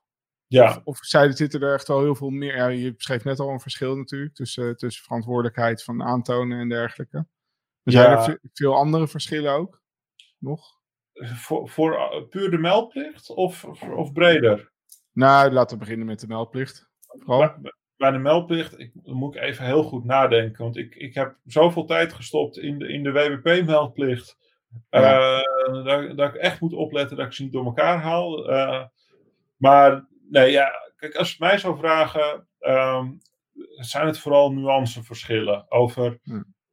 formulering en wat er dan wel en niet precies buiten valt. En, ehm, eh, maar op hoofdlijnen is het hetzelfde gebleven. Ehm, eh, dus dat is ja, eh, maar ja, dus, dus daar, daar is niet heel veel aan veranderd en hebben we gewoon mooi kunnen oefenen. En ook denk ik het proces bij, bij de AP is vrijwel hetzelfde gebleven. In ieder geval eh, voor zover ik dat heb meegemaakt. Eh, ik zit er nu al een tijdje niet meer. Nee. Eh, maar dat, dat wordt niet op een fundamenteel andere manier behandeld. Er komen nog steeds meldingen binnen en daar moet worden gekeken van hey, ga dit, is het netjes, ontbreekt hier informatie, ja of nee? En eh, ja, dat kan op grofweg dezelfde manier als daarvoor. Ja.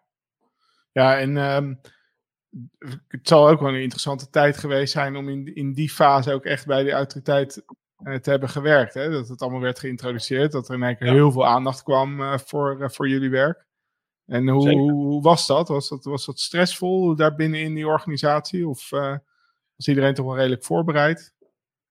Ehm, nee, ik denk dat als het gaat over de introductie van de eerste meldplicht, gewoon de WWP-meldplicht, ja, nee, dat, eh, ja, stressvol denk ik wel. Het was wel heel veel op het laatste moment. eh, maar ja, nee, dat is allemaal goed gegaan. Dat was ook gewoon precies op tijd af. Ik denk dat je nog wel, dat het voor heel veel organisaties fijn was geweest als er iets eerder aan voorlichting eh, was gedaan. Aan de andere kant, qua handhaving, ja, dat, dat kan je nu ook wel zien. Er is ook niet heel zwaar op gehandhaafd. Nee. Eh, of in ieder geval niet heel veel. Ehm, dus ik geloof, eh, Uber heeft een aardige boete gehad. Maar eh, verder, eh, verder valt het hartstikke mee. Dus Ja, het was. Van de week, eh, 7,5 ton, voor wie was die? ehm, we- weet ik niet. Ehm, Er was iets met 7,5 ton, dat weet ik Ja. nog. Ik dacht, dat is wel op geld. Ja, nee, eh, ja, sorry. Nee, er waren eh, eh, twee hele interessante boetes. Eentje in België. Ehm, dat begon met een gemeld datalek. En eh, toen is de toezichthouder wat gaan doorvragen. En die hebben er een aantal andere overtredingen bij gevonden. Eh, en vervolgens voor de rechter eh, eh, eh, is het gekomen. En daar is eigenlijk, zijn alle overtredingen behalve eentje eh, zijn onderuit gehaald. Eh, en wat overbleef was dat de functionaris voor de gegevensbescherming niet onafhankelijk genoeg was. Eh, maar dat, en dat was meteen wel 50.000 euro boete. Ehm, maar dat was, eh, eh, die is geanonimiseerd gepubliceerd. Maar de omzetcijfers die in, het, in, het, in de uitspraak stonden, waren gewoon te googlen. Ja. Dat was gro- grote Belgische telecomorganisatie. Ehm, dus die was wel interessant. Dat is een soort voortvloeisel eh, dus vanuit een datalekmelding.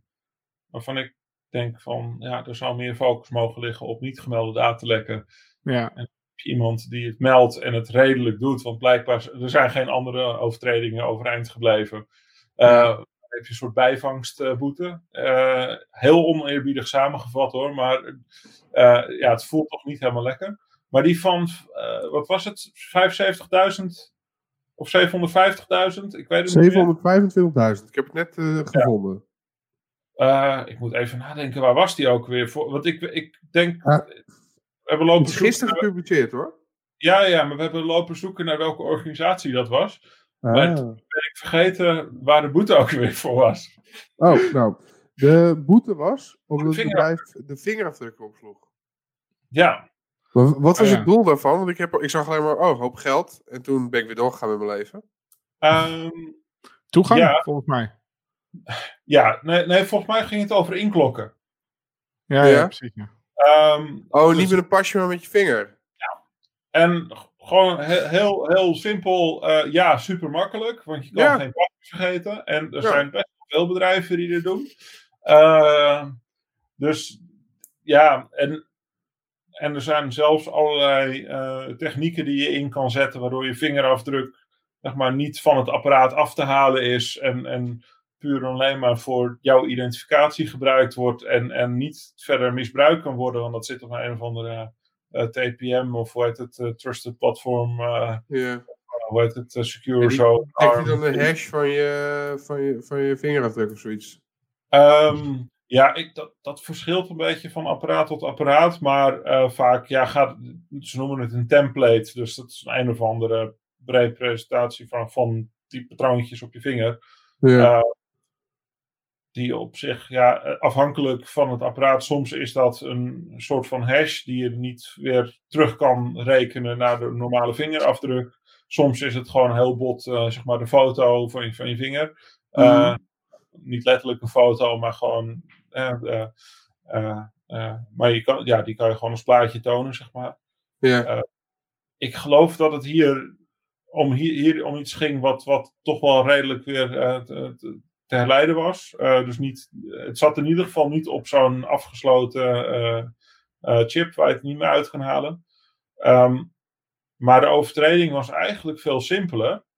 Ehm, namelijk, eh, biometrische gegevens zijn bijzondere persoonsgegevens. Mhm. En voor bijzondere persoonsgegevens geldt een verwerkingsverbod. En dat is, je mag ze dus niet verwerken tenzij. Eh, en de tenzij is echt heel specifiek. En dat, eh, daar zijn een aantal uitzonderingen op, eh, waarvan ik denk in dit geval de, de meest relevante is voor beveiligingsdoeleinden. Maar dat moet wel echt noodzakelijk zijn voor beveiligingsdoeleinden. En als je dan de memorie van toelichting leest. ehm, volgens mij. oh, nou, dat was een voorbeeld onder de. Oh, dan moet ik even heel goed nadenken of ik WWP en AVG niet voor elkaar, door elkaar hou. Maar eh, nee, sorry. Ja, nee, ehm, dat gaat wel over de AVG. Memorie van toelichting in de Nederlandse uitvoeringswet van de AVG. Stond dan een voorbeeld genoemd. Ja, noodzakelijk voor de beveiliging bijvoorbeeld bij een kerncentrale.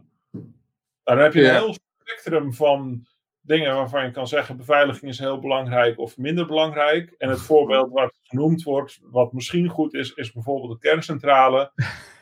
Daar kan je twee Ja. dingen voor vinden. Kan je zeggen van oké, dat is een heel duidelijk signaal dat het echt alleen maar bij superbelangrijke dingen mag. Of je kan zeggen, er is nog een heel groot gebied waarvoor het niet duidelijk is of het mag. Ja. Maar de beveiliging voor bij, een, een, een- ik weet niet precies wat het was, maar een, een bedrijf voor het inklokken van, eh, voor het tijdstempel van, van, je, van je medewerkers, Mhm. was dus niet, zeg maar, kwam niet, niet genoeg in de buurt van de beveiliging van een kerncentrale om, eh, om te mogen. Om- Om acceptabel te maken. En is, is er nog iets bekend geworden waarom de bedrag zo bizar hoog is? Zijn Eh, waren het heel veel mensen of zoiets? Oh ja. Ja, dat is een goede vraag. Ik- 337 werknemers zie ik hier. ik- dat valt wel mee, zou ik zeggen. hè. Het is niet, niet klein, maar ook niet gigantisch. Nee. Ehm, ik, ik, ik, moet he- heel goed, eh, ik moet heel voorzichtig zijn, want ik heb ook even uitgezocht eh, wanneer deze zaak eh, is begonnen. En Mhm. ik weet niet, ik kan me oprecht helemaal niks herinneren, maar ik kan Ja. niet garanderen dat, ik- dat er niet iets is blijven hangen van wat ik misschien een keer gehoord heb. Van Ja, toen- eh, Ja, duidelijk. Ja, hey, wat, wat ehm, denk ik ook gewoon eh, heel erg interessant is om er even bij stil te staan. Want jij zei net al eventjes dat, dat het wat jou betreft interessanter is om eh, te gaan eh, handhaven op eh, bedrijven die niet melden. Hè? Terwijl er daar eigenlijk wel dus aanleiding toe is. En ja, we hebben het in de vorige podcast, die heb je, dat heb je ook eh, gezien. Althans voor een stukje in ieder geval, denk ik. Ook even gehad met, met Rick en Wesley over ehm, ja, wanneer is er nou eigenlijk noodzaak om melding te maken. En toen, ja, ik, ik heb een soort van overtuiging dat, dat, dat het, eh, de situatie dat er duidelijk minder gemeld wordt dan, eh, dan dat er eh, meldingsplichtige incidenten zijn, dat het voor het allergrootste gedeelte gewoon eigenlijk wordt veroorzaakt door de term meldplicht datalekken. Heel simpel gezegd. Dus ik, ik heel even terug. Weet jij wie dat zo heeft bedacht, om het zo te, te noemen? En ik Nee. moet eerlijk zeggen, ik denk ook niet dat ik in het begin me daar heel bewust van was. Nee. Ik denk, het, het, het, het is wel vrij vroeg. Want op een gegeven moment ga je er wel van mensen. Ja, ga je praten over dingen van ja, maar er is toch niks gelekt. En dan denk je, Ja. oh shit, waar komt dat vandaan? Hoezo? Ja. Waar, waar in de wet staat Ja, waar zou het vandaan komen? het van Ja. die naam? Ja. Eh, dus ja, ik, nee, ik ben het met je eens. Ik weet dat het in ieder geval voor een groot deel wel eh, verantwoordelijk is voor de verwarring en misschien ook het niet melden. Ja, Eh, want ik, ik, ik denk dat, dat bedrijven nog niet eens eh, beginnen met zich af te vragen of ze het moeten melden. Weet je, omdat ze gewoon denken dat hun hele casus niet in, dat, in het spectrum van een datalek valt. Weet je wel, als ze iets aan de hand hebben. Denken, oh ja, nou, ransomware. Ja, weet je, we gaan, gaan niet eens googlen, uh, weet je wel, terwijl er prachtige informatie staat en ook heel duidelijk uh, vermelding over dat het uh, meldingsplichtig uh, is. Weet je wel? Dat ze daar niet eens opkomen, dat ze het niet eens beginnen te zoeken daarnaar. Weet je? Of, omdat het zo duidelijk lijkt wanneer je wel zou moeten melden. Namelijk als het, als het ja, data op straat ligt of zo. Weet je wel, in die terminologie te blijven. Maar bij, bij ransomware, daar zit nog een heel ander interessant puntje bij. Want er zijn nog steeds heel veel mensen die ervan uitgaan dat ransomware alleen maar versleutelt en niks anders doet. Ja. En dat is heel lang um, wel zo geweest. Het is alleen nooit zo dat je per incident, uh, nooit zo geweest dat je per incident er gewoon vanuit kan gaan dat het zo is. En, en nu zie je uh, nou, dat het laatste jaar een beetje is opgekomen. Steeds meer ransomware die ook echt daadwerkelijk andere dingen doet. Uh, dus, dus, bijvoorbeeld ja. als je niet betaalt, nou dan hebben ze, hebben ze je data alvast gedownload en gaan ze het publiceren. Of ja. an, andere dingen. Of soms is ransomware het einde van een hele infectieketen. Waarbij er allerlei misbruik is gepleegd en er valt niks meer te halen. Nou, dan nog maar een, een rondje ransomware eroverheen om te kijken wat, er, uh, wat je nog kan binnenharken aan geld. Ja. Uh, dus er zijn heel, heel, heel veel redenen waarom het heel riskant is om te zeggen van ja, de criminelen die bij me hebben ingebroken, die, die gijzelen me bestanden. Maar heus, ik geloof ze dat, ze dat ze niks anders gedaan hebben. Ik, ja, dat is gewoon heel problematisch. Ja. ja. Maar ik denk ook dat in principe is ook niet zo heel veel ransomware nog ontdekt. Die zelf hè, in de ransomware, waar, waar, waar die, uh, dat download functionaliteit in zit. Want de meeste ransomware wordt zo geschreven dat je zo snel mogelijk je files onbereikbaar gaat maken. Ja. Maar er zit een heel traject aan voor, waar, waarin dus die files ge, gedownload worden. En zeker nu die, die professionele gangs, waar, waarbij je, uh, je, je, gewoon uh, inderdaad, zoals Mace, zoals Revel, uh, dat, je, dat je later wordt afgeperst met je eigen files. Ja, die gasten, dan, je bent gewoon volledig gehackt. En het eindresultaat is toevallig dat je ook niet meer bij, bij bestanden kan. Maar het is, dat, is, dat is naar mijn idee. Uh, hebben die bedrijven niet eens door. Maar als je, uh, stel nou Locky, weet je die oude meuk, zeg maar. Ja. Ja, in dat geval was het gewoon vaak een macrootje en, en, en gaan. En dan heb je volgens mij minder die situatie aan de hand uh, dan nu. Maar aan de andere kant, stel dat je serieus gehackt bent en je dreigt erachter te komen. Ja. ja zou ik als hacker misschien ook wel kunnen denken van, ja, vlak voordat ik gesnapt word, dan maar even chaos. Huppakee, alles plat, alles versleuteld. En dan denk ik dat het maar ransomware was. Ja, dat het, zou ook. een, uh, het zou ook een mooie dekmantel kunnen zijn, ja. Dus, ja, goed, het, het is vol. En dan nog, volgens mij staat, staat dus inderdaad ook nu in de, in de FAQ's of zo over ransomware. Staat, staat er ook dat, dat, dat dit allemaal nog niet eens echt aan de hand hoeft te zijn. Weet je? Want ook op het moment dat, dat ransomware data versleutelt, waarin persoonsgegevens voorkomen, dat, dat het eigenlijk al valt onder de uh, meldplicht. Ja, omdat, ja. Uh, ja. En dus, uh, er zijn twee manieren waarop je ernaar kan kijken. Je hebt uh, het eerste is van er hoeft dus niet per se iets te lekken, maar onbeschikbaar maken kan ook al voldoende zijn om te moeten melden. Ja. Maar ik denk dat het nuttiger is om te kijken naar de definitie van wat is die meldplicht nou eigenlijk? Nou, het is een meldplicht voor inbreuken op de beveiliging van persoonsgegevens. Ja, precies, ja. En die is eigenlijk al aan de hand voordat de gegevens worden uh, versleuteld. Er heeft eerst iemand bij ingebroken om die software te kunnen installeren. Um, en los van dat je niet weet, uh, weet wat hij nog voor andere dingen heeft gedaan. Er is een inbreuk gepleegd op de beveiliging.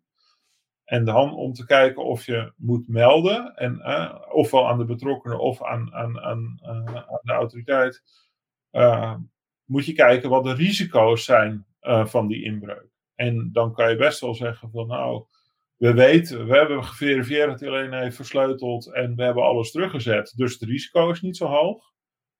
Dan kan het best zijn dat je niet alle betrokkenen hoeft te informeren.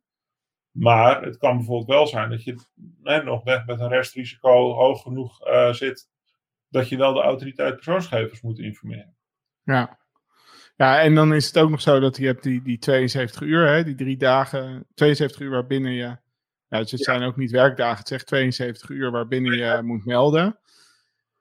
En daar hadden wij het uh, in de vorige podcast dan ook over. Van, hè, dat geeft de indruk dat je dus per se binnen die tijd uitsluitsel moet hebben over de vraag van nou, is het, dat, is, dat is dus niet zo. Ja. het, is, het is meer zo dat je je binnen, drie, binnen die TSF gemeld moet hebben bij de autoriteit. Dat is, dat is nog een heel vertrouwelijk uh, proces, hè? want dan ben je eigenlijk alleen in contact met de autoriteit en daar weet verder niemand uh, iets van. Ja. Uh, om, om je in ieder geval daar te melden. En, en als je dan nog het idee hebt van het zou ook nog kunnen zijn dat het niet zo is, hè, dat het niet meldingsplicht is, dan, dan kan je er dus een voorlopige melding van maken die je later weer intrekt en dan verdwijnt die helemaal uit het systeem. Zo zit het in elkaar, toch? Um, ja, ik weet niet zeker of je helemaal verdwijnt. Dat, maar um, ja, dus maar je kan in principe um, ja, je kan een, een, voorlopige melding doen en je kan hem ook intrekken, je kan hem aanvullen. Um, waar het om gaat is, uh, is dus dat je inderdaad laat zien van hé, hey, er is iets fout gegaan en we zijn ermee bezig. En, en, en dit is de voorlopige inschatting. En in ieder geval, als ik voor mezelf spreek, kan je al ontzettend veel vertellen aan zo'n initiële melding.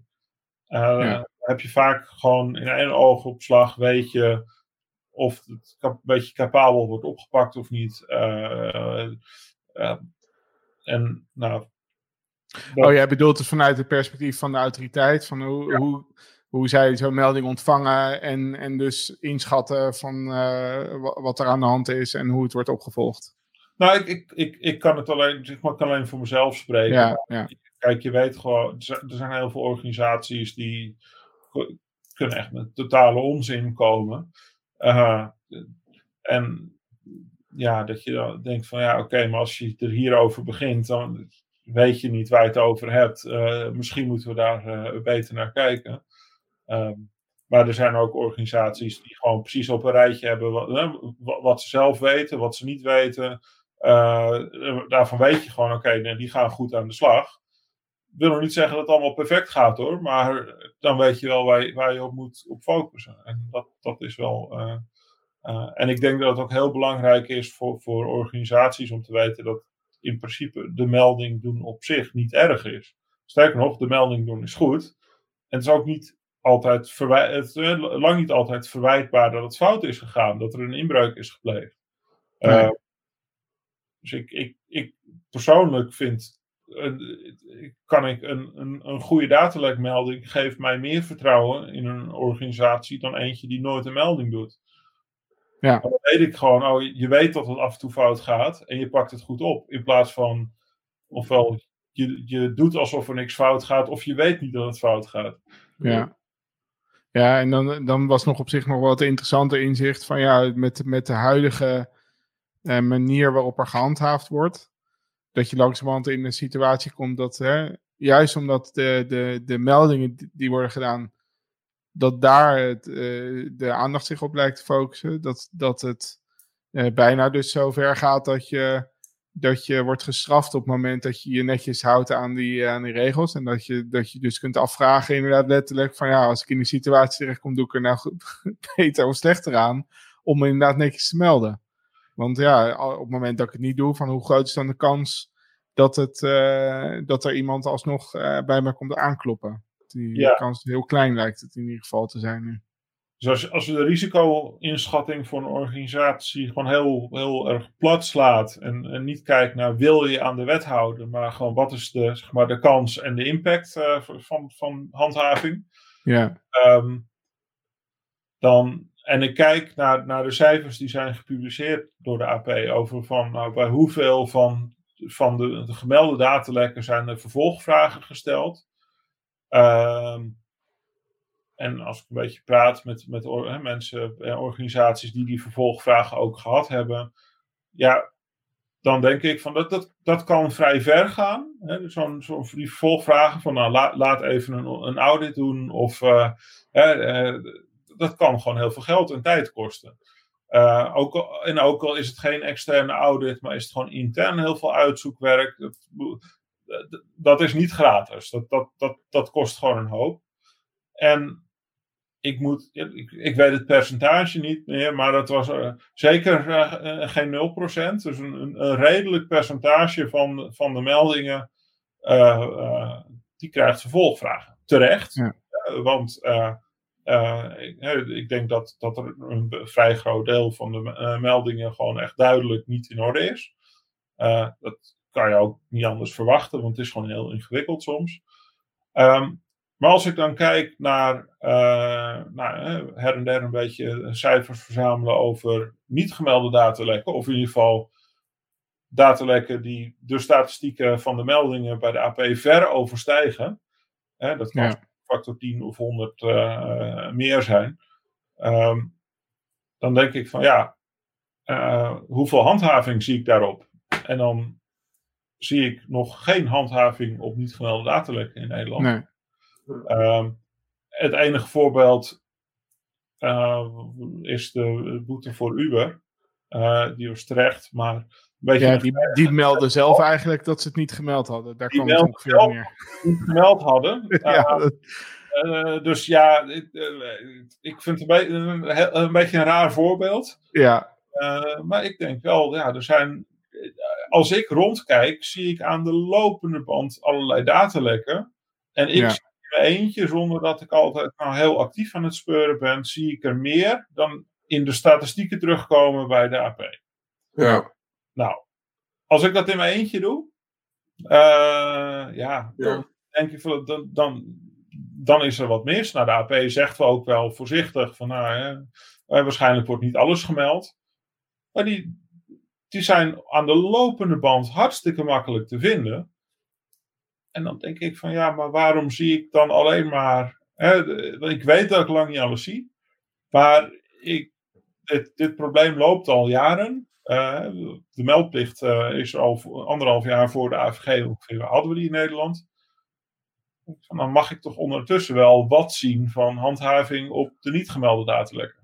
En, en, en zit er, denk je, iets, iets achter in de sfeer van ehm, politiek, kijken hoe andere landen het doen en, en niet per se het braafste jongetje van de klasse willen zijn op dit terrein? Zou dat mee kunnen spelen? Uh, oei, ik, ik vind het lastig om te speculeren over ja. overwegingen waar ik ook kennis van heb achter de schermen. Ja, ja, ja, oké. Ja, we, we, misschien dan een andere vraag. Uh, in hoeverre, want ik bedoel, aan de ene kant, je kan het op twee manieren doen. Je kan kijken, nou, die, dat bedrijf is zo groot, daar moet wel een keer wat misgaan. En daar heb ik nog nooit melding van gehad, dus ik ga eens bij jou kijken.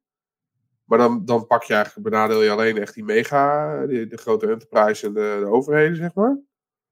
Of je gaat zelf speuren. Ja, dan, kom je ook weer een beetje zoals NCC, die dan ook uh, zegt, ik, uh, ik wacht er niet. Oh, AP mag best veel.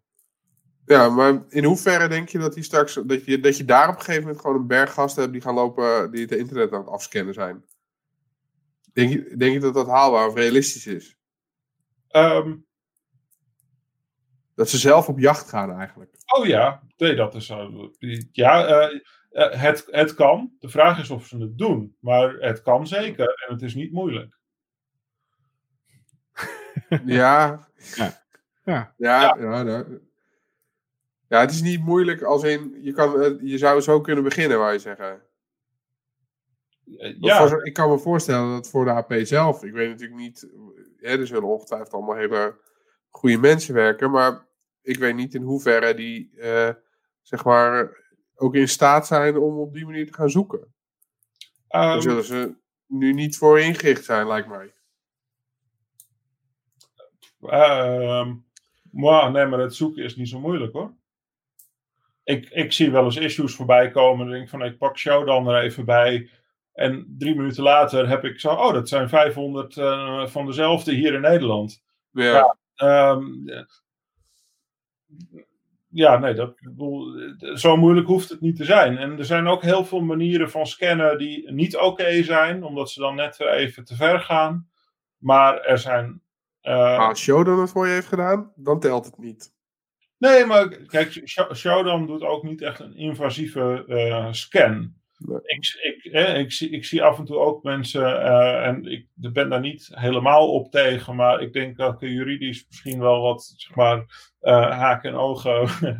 maar ik, ik, dus sommige dingen zijn acceptabel, maar strikt genomen wel strafbaar. Mm En sommige scans die moeten toch net even die kwetsbaarheid testen en een intern bestandje lezen. Of een, uh, dat je denkt van ja, eigenlijk gaat het net te ver. Um, onder responsible disclosure vinden we het tegen, maatschappelijk acceptabel en ik heb helemaal voor. Um, maar dat zijn dingen die de AP niet zomaar kan doen. Maar er zijn heel veel andere dingen die wel gewoon kunnen. Ja. En uh, dat is, scannen is niet, echt niet de enige uh, optie. Er zijn heel veel opties die, die je hebt om verschillende soorten da datalekken te vinden. Uh, En ik vind zelf, ja, het, uh, zeg maar, uh, gaan navragen bij organisaties die, waarvan je nog geen meldingen hebt gehad of zo, ja, dat vind ik een beetje lastig. Want dat, dat eigenlijk ga je dan aanmoedigen om gewoon voor de statistieken maar een paar meldingen te doen. Fair enough. Um, je hoeft het natuurlijk niet te zeggen, je kan het gewoon doen. Hoe, uh, ja. als de AP natuurlijk niet zegt wat hun motivatie is om bij een bepaalde organisatie aan te kloppen. Ja, maar kijk, het valt heel erg op als de AP langskomt met van ja, laat me even zien wat voor datalekken je hebt. Als er nergens uit blijkt dat het een aanleiding heeft of zo. Nee, fair enough. Uh, en, en daarbij moet je dan ook nog wel, dan heb je ook een probleem. Uh, want ja, wat ga, waar vraag je dan naar? Dan moet die organisatie dus ook wel zijn boekhouding goed op orde hebben met die interne registratie. Ja. Hoe zie je het verschil tussen, we hebben een hele nette registratie, maar die is leeg. Kijk, hier ligt een leeg mapje. Ja. En er is niks gebeurd. Echt maar, ja. of, eh, maar, of er is heel veel gebeurd, maar we schrijven niks op. Dat, dat, dus je moet wel iets hebben om te. Eh, want anders kan je niet aantonen dat er, niks, dat er wel iets is gebeurd wat niet gemeld is. Nee. Uh, maar goed, er zijn heel, ook gewoon puur uit openbare bronnen. Uh, er zijn tal van, van af en toe issues bij cloud providers, waarvan je, van zeg maar de grote generieke cloud providers wat minder, maar allerlei zeg maar SaaS-oplossingen waarvan je weet van nou, in deze sector uh, gebruiken ze dit allemaal. Even kijken wie er allemaal in Nederland gebruik van maken. Ja. Nou, kan, je zo, kan, je zo in een sector een paar honderd uh, Nederlandse organisaties uitpikken. Dat heb ik wel een paar keer gehad. Ja. Nou, ja. tel kleine statistieken hebben die gemeld. Nou, vaak niet. Ja. ja. Scherp. Scherp. Hey, en um, uh, dus om, om het onderwerp van het proces van doen van meldingen eventjes nog uh, af te ronden. Je had uh, ook eventjes gewezen op de, de flowchart zoals die uh, nu voorkomt in de informatie van de, wat is de Europese Commissie website. waar de informatie over de GDPR of AVG dus vermeld staat. Dit komt daaruit, dus ja, mensen zien dat nu die de stream aan het bekijken zijn of op video. Het is niet heel erg leesbaar denk ik daarin ik weet niet of jij helemaal uit je hoofd inmiddels weet wat hier allemaal staat, uh, Floor. Of dat je het een, beetje kan toelichten. Um, maar uh, ja, het komt in essentie eigenlijk neer op een soort van stroomtabel. Waarin gewoon langs een aantal vragen je wordt begeleid tot, uh, tot de conclusie of je wel of niet melding moet doen, toch? Dat is wat dit, wat ding, dit dingetje doet. Ja, en het, het begint eigenlijk al met, met, met het grootste obstakel. Is eigenlijk de, de, de verantwoordelijke, zoals dat heet. De, de organisatie, bedrijf of overheidsinstelling of, of wat dan ook. Moet zich ervan bewust worden dat er ergens een inbreuk is, is geweest. Um, ja, dat is moment nul, zeg maar. Ja, dat is moment nul. Dan begint die 72 uur te, te, te, te, te tikken, zeg maar. Um, maar dat, dat is waar heel veel organisaties eigenlijk al zeg maar, alles missen. Er zijn heel veel inbreuken die gewoon niet worden opgemerkt. Uh, ja. En dat is een beetje een, een, een, een flauw mogelijk bijeffect van de AVG, van de meldplicht. Is er zit een soort lichte incentives in van als je het niet opmerkt, ja. hoef je het ook niet te melden. Nee. Um, gaat de hele, hele wet voor jou niet op, zeg maar. Ja, ja. ja dus dat, dat is een be beetje flauw. Um, nou, gelukkig kan je ook wel zeggen van ja, er zitten ook uit beveiligingsoogpunt wel uh, verplichtingen om gewoon goed te monitoren. En, uh, uh, dus ja, ik zou een organisatie niet aanraden als de AP langskomt om te zeggen: ja, maar we, we hebben het zelf niet opgemerkt.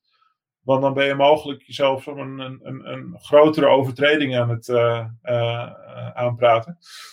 Maar goed, dat is een ander, uh, ander issue. Dus je begint met, merk je de inbreuk op? En dat hoeft nog niet zo te zijn dat je je volledig bewust bent wat er precies gebeurd is. Maar puur van, hé, hey, virusscanner heeft piep gezegd. Of uh, medewerker heeft naar de helpdesk gebeld van, oh jeetje, mijn laptop is gestolen.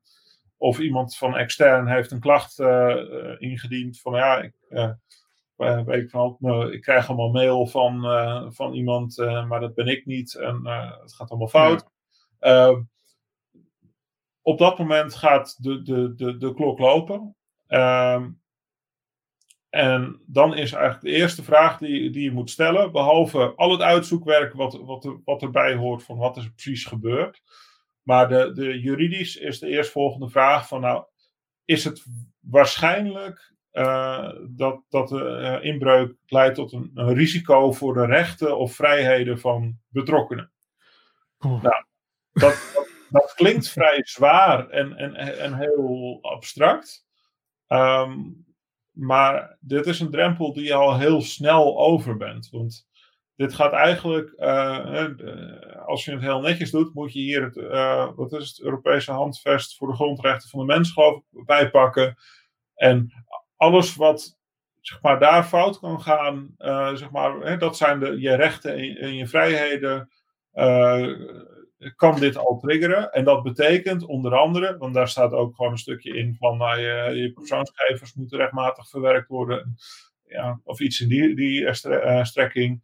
Dus als er betekent dat er persoonsgegevens onrechtmatig verwerkt kunnen worden, um, heb je, moet je die vraag echt met ja beantwoorden. Uh, en, en, en moet je melden aan, aan, aan de autoriteit persoonsgegevens. Um, Maar dat kan ook betekenen, hè, soms kan een inbreuk niet, uh, niet zozeer een issue zijn voor persoonsgegevens, maar bijvoorbeeld gewoon voor fysieke veiligheid. Hè, Dat valt hier ook onder. Dus het hoeft niet per se over gegevens te gaan, maar een inbreuk op. Uh, nou, even kijken, wat is het? Uh, je hartbewaking of zo. Dat kan ook nog. Uh, dan zou ik zeggen, dan heb je misschien iets andere prioriteiten dan dat mijn, mijn hart, zeg maar, hartslaggegevens lekken. Um, maar dat, valt, dat valt hier dus ook onder.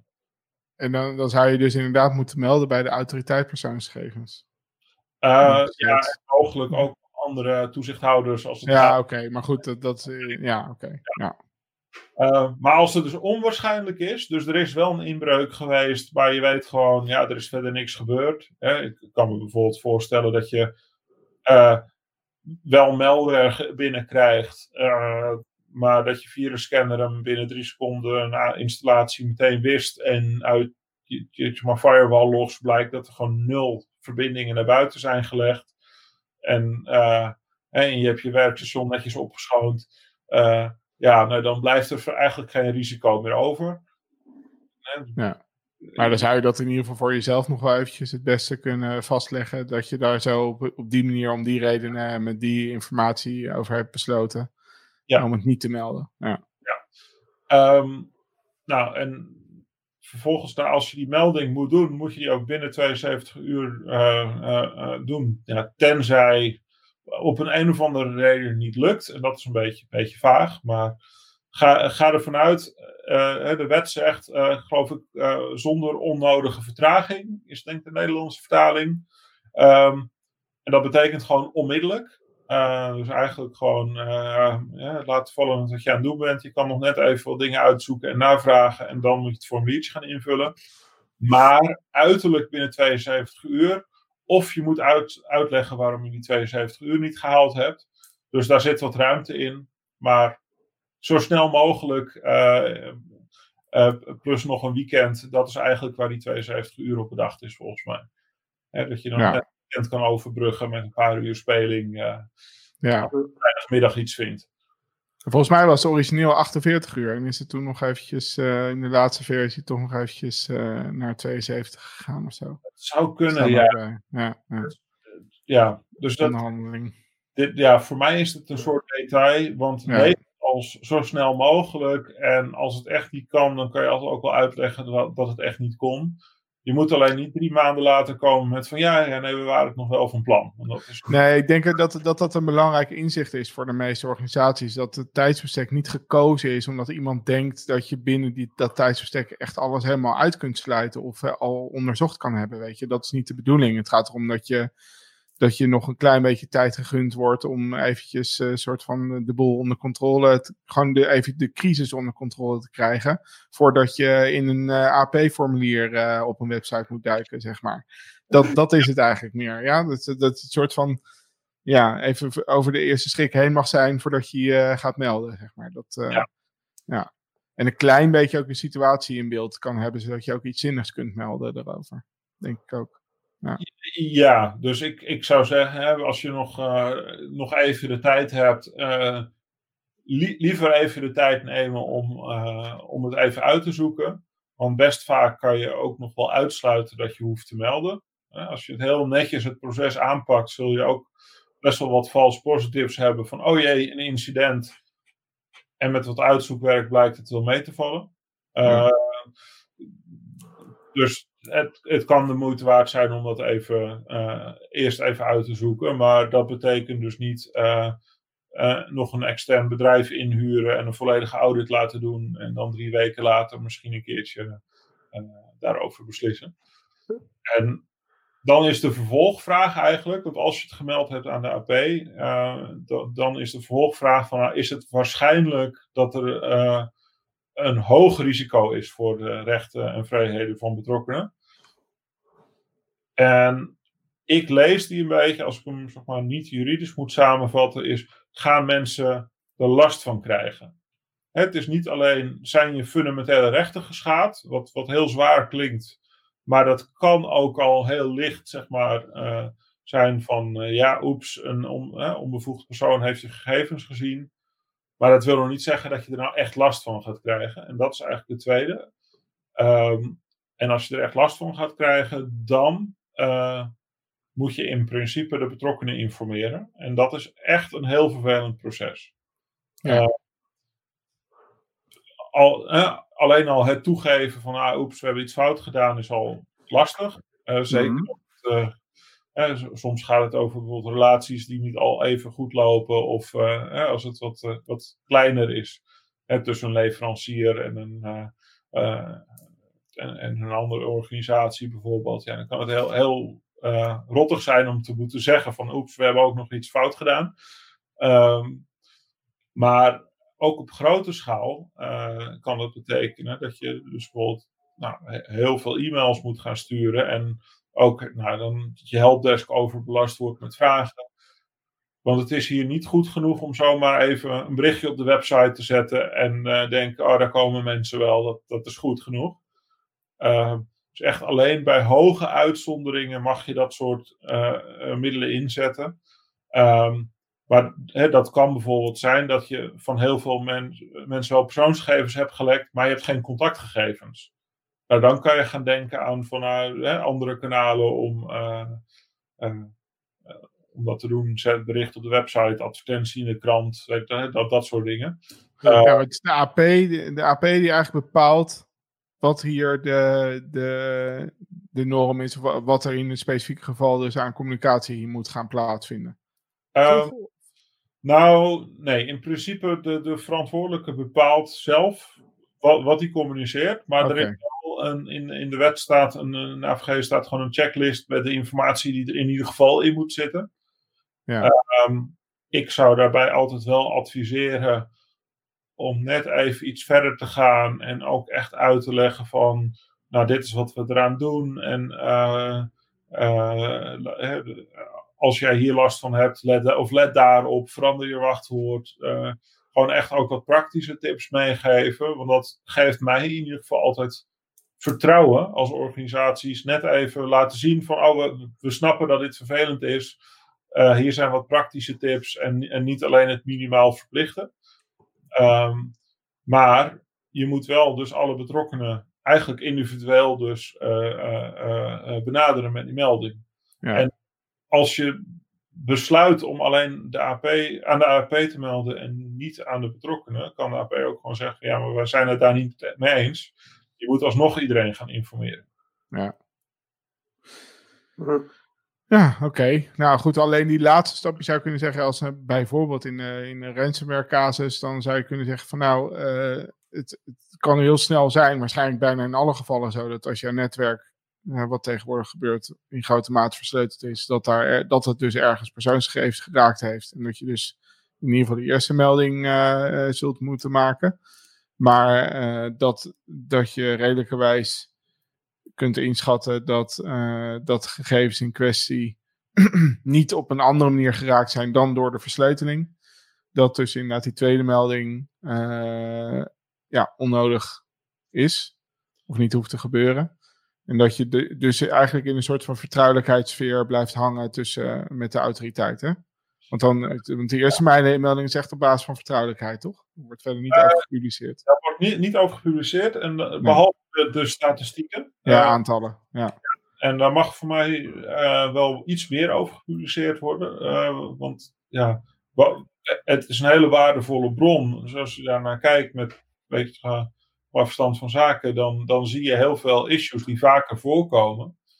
Zou ja. nuttig zijn. Van lessons, lessons learned inderdaad uit dit soort casus zouden zeer handig zijn. Ja, ja, we hebben zoveel keer bij ransomware dit gezien. En um, nou, hè, wij zien dat het altijd in de onderbouwing van uh, er is verder niks gebeurd, altijd wel gebrekkig is. Dus zorg dat je dit en dit soort logs uh, bijhoudt van tevoren, want die zijn super nuttig. Of uh, nog simpeler, van ja, nee, attachments in e-mails die je niet kent met een vage factuur, niet op klikken. Het, het, kan een heel spectrum kan je aan, aan denken, maar er zit heel veel nuttige informatie in, in, in die meldingen. Ja. Uh, waarvan het ja, heel nuttig zou zijn als die gepubliceerd worden. Ja, oké. Okay. Hey, zullen we even één keer proberen om het in één keer even een soort van in de typische casus van een MKB'er die getroffen wordt door ransomware, proberen samen te vatten wat, wat, wat jij zou adviseren. Dus, dus stel je voor de casus. Ik ben een MKB'er.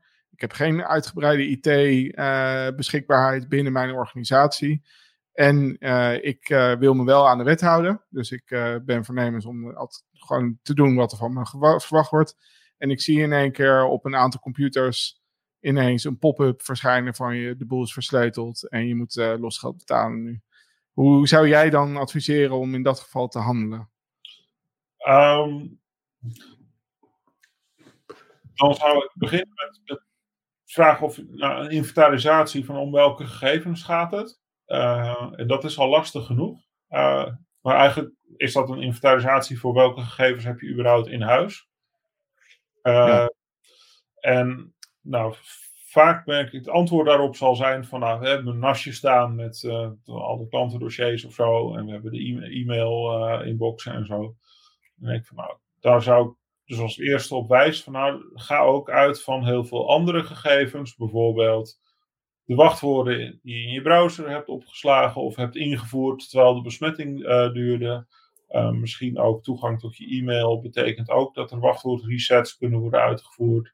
Dus heel veel. Eh, kijk ook naar allerlei authenticatiegegevens die, uh, die besmet kunnen zijn, of die, die getroffen kunnen zijn. en waar dat impact op kan hebben. Dus ga dan vervolgens maar de hele boom uitzoeken van alles wat geraakt is, kan vervolgens weer verdere gevolgen hebben. Dat is echt een hele nare klus. Ja. Uh, maar... Zou, zou, zou, je niet uh, misschien zelfs voordat je dat helemaal, helemaal 100% hebt weten uit te zoeken, eigenlijk al zeggen van ga maar alvast melden. Want... Uh, ja, maar ik, ja. ik zou eerst even grof een gevoel krijgen ja. hoe, hoe, hoe ten eerste, nou, hoe, hoe, sterk is de kennis over wat er precies aanwezig is? Uh, want soms kan je dit vrij snel afhandelen. Um, maar uh, op het moment dat je een beetje een idee hebt van uh, hoeveel werk gaat het zijn, uh, wat is er mogelijk getroffen? En ik ga er nu even voor het gemak van uit dat er echt nul logs zijn van iets. Ja. Dan, dan kan, je, kan, je vrij snel zeggen van nou meld maar bij, bij de AP dit en dit is getroffen. Uh, van, en dat gaat dan vaak over gewoon in, in de richting van, nou, we zijn een bedrijf in deze sector. We hebben ongeveer zoveel klanten. Uh, en, en die kunnen, hè, van die klanten kunnen ongeveer dit soort gegevens die we van ze hebben, uh, kunnen allemaal getroffen zijn. Um, en we zijn het nog aan het uitzoeken. En dat meld je dan als voorlopige melding. Ja. en dan is vervolgens de vraag of het überhaupt zin heeft om nog verder onderzoek te, te, laten doen. Er zijn een aantal dingen die je waarschijnlijk vrij makkelijk kan gaan uitsluiten. als ik denk van, oh, maar je hebt ook nog bijvoorbeeld een Google-account waar je af en toe iets mee doet. Nou, daar kan je vrij makkelijk, zonder echt uh, moeilijke expertise in te huren, uh, kan je in de logs kijken van, hey, is daar ingelogd? Zijn er gekke dingen gebeurd? Ja. Nou, dat kan je meestal vrij makkelijk uitsluiten.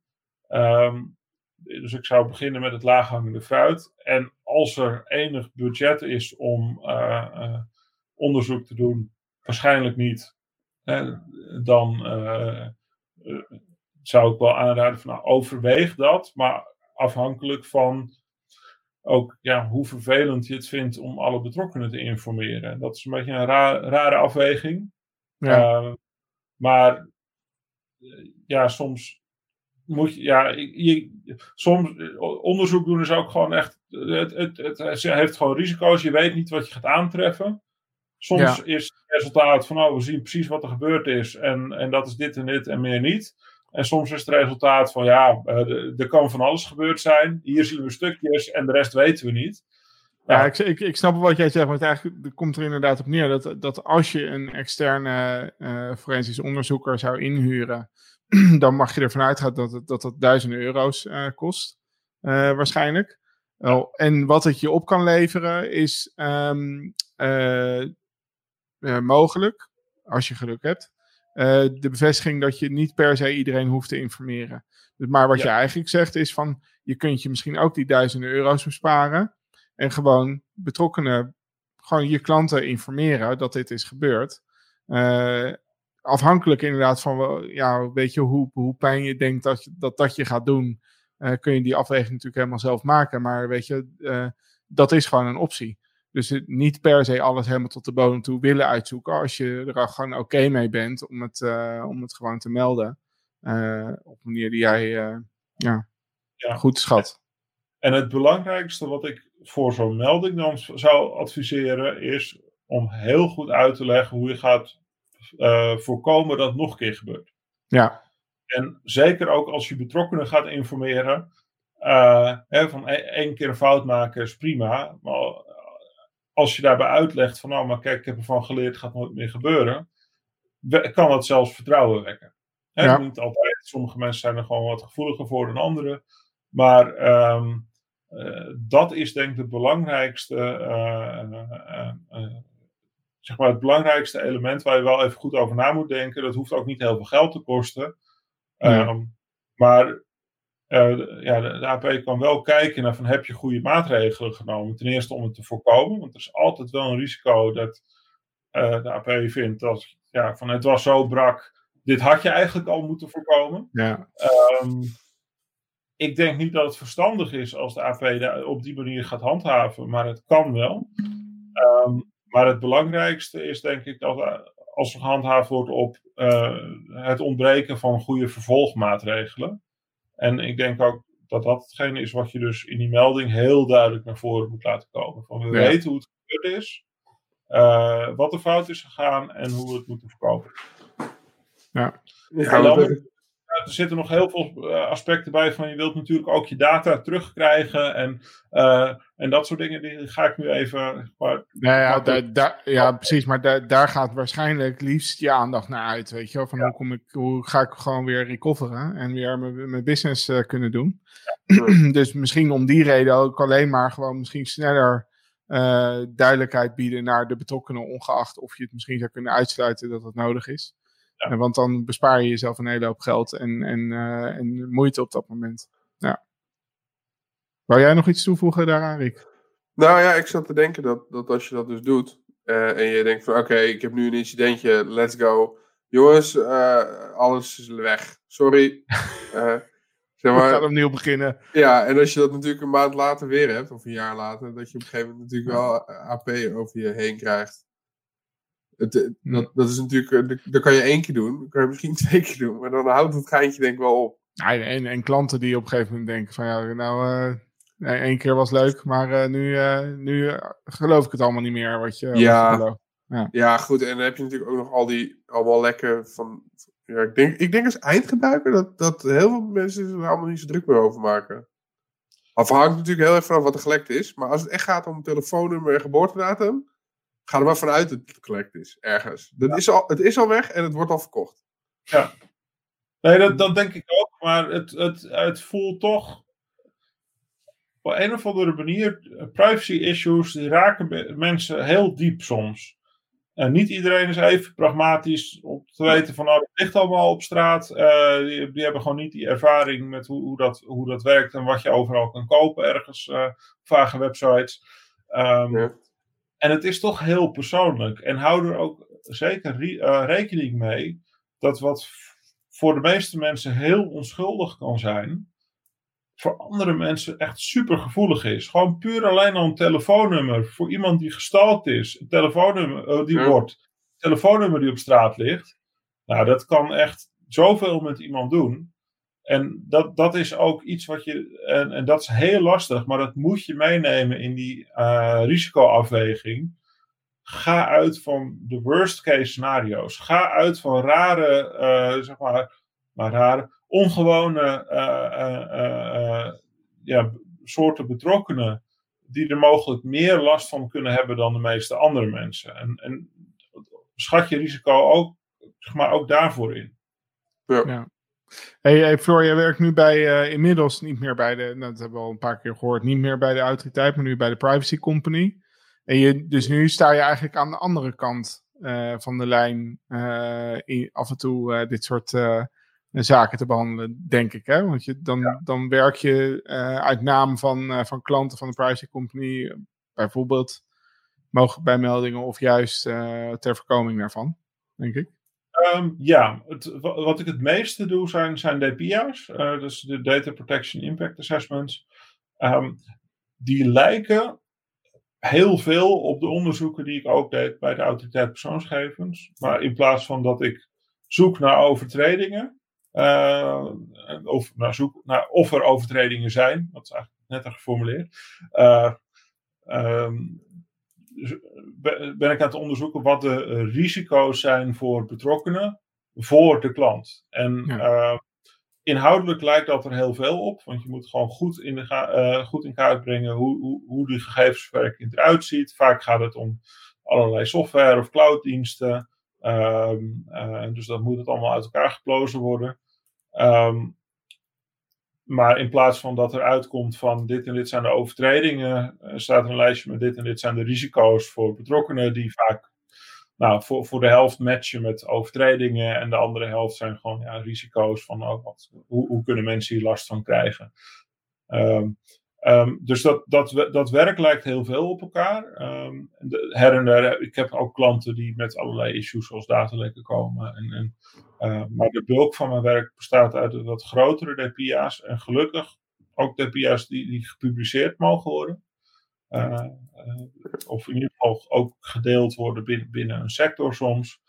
Um, zodat heel veel mensen ervan kunnen leren. Dat, dat was wel wat ik heel fijn vond aan het werk van de AP, is dat in principe alle onderzoeken worden gepubliceerd. Uh, daar kunnen heel veel mensen van leren. En, en uh, dat heeft ook een breder effect dan net dat ene onderzoek wat je doet. En ja. in dit geval hè, is het voor mij heel belangrijk dat mijn werk meer impact heeft dan die ene klant vooruit helpen. Uh, ja. Natuurlijk is dat heel belangrijk, maar ja, als ik het werk één keer gedaan heb en meer mensen hebben er wat aan, vind ik dat alleen maar heel mooi. En ja. je bent, inmiddels ben je, even, ben je al even geswitcht uh, naar, uh, naar het bedrijfsleven. Ja. Uh, ik heb zelf nooit voor een overheidsinstantie gewerkt, maar hoe, hoe, hoe bevalt het je tot op heden? Um, ja, en er zijn zeker dingen die ik mis van mijn werk bij de AP. Maar er zijn ook dingen die, die nu, nu, nu, beter zijn, of fijner zijn. Ja. Um, uh, dus ja, het, het zit, uh, ja het, het, is gewoon anders. En ik, ik vind dit ook heel leuk. Ja, ja het, het, is, niet, het is niet dat de een beter is dan, dan het andere. En ik, ik, ik werk ook nu heel veel voor, voor overheidsinstellingen. Dus dan heb je toch wel een soort van zeg maar, de, de ambtenarenpipe uh, mee. Dat je, ja, voor mij het belangrijkste verschil is voorheen kon ik zelf uitkiezen wat zeg maar, de grote issues zijn. Uh, en, en, en, en doe je het wel echt ja, voor, voor het, het, het, zeg maar, het, het bredere, zeg maar, voor de samenleving. Ja. Um, nu heb je een opdrachtgever. Nu, nu zoek ik naar klanten die dingen willen die daar uh, uh, ongeveer ook die kant op willen, want dat vind ik altijd het leukste werk. Uh, maar soms zijn het ook gewoon klanten die zeggen: we willen onze eigen zaken goed geregeld hebben. En dat ja. is dan ook voor alle betrokkenen, zeg maar, alle klanten, ook wel heel voordelig. Um, ja. Maar aan de andere kant, ja, ik kan nu wel, ik werk nu wel met degene die mee, die vooruit willen. En dat is echt super tof. En voorheen kom ik voornamelijk bij organisaties. Ja, die, de grote boze AP die langskomt. Ja, ja. ja het was, was nooit vrijwillig. En, uh, Oké, okay, laat het zien. Wat ja. is jouw risicoregister? Ja. Hey, en, maar je, ik zie je toch op Twitter ook nog wel regelmatig hè, uh, uh, bezig met, met de, de, de, meer, meer de beleidskant. Hè? Dus het, het, het, het, het monitoren van hoe doen nou al die verschillende autoriteiten het in de verschillende landen en hoe wordt de JDPR nageleefd en dergelijke. En ja, daar heb je volgens mij nog steeds wel. Dat, dat zoek je nog wel heel erg op. Hè? Van oké, weet je, hoe, hoe loopt dit en wat vind ik daarvan? En ja, je ervaart het natuurlijk ook in de praktijk, waar, dat je tegen dingen aanloopt die gewoon niet werken, eigenlijk zoals ze bedacht zijn. Maar wat, wat, wat is nu. Nou, laat ik het anders zeggen, er was van de week volgens mij ergens een keer. Dat sprak ook in een voorgesprek een artikel op Wired waarin er uh, iets geschreven werd dat de Duitse uh, autoriteit waarschuwt dat de hele JDPR mogelijk wel gewoon helemaal opgedoekt uh, wordt als bijvoorbeeld de autoriteit in Ierland niet snel wat actiever gaat worden in het handhaven.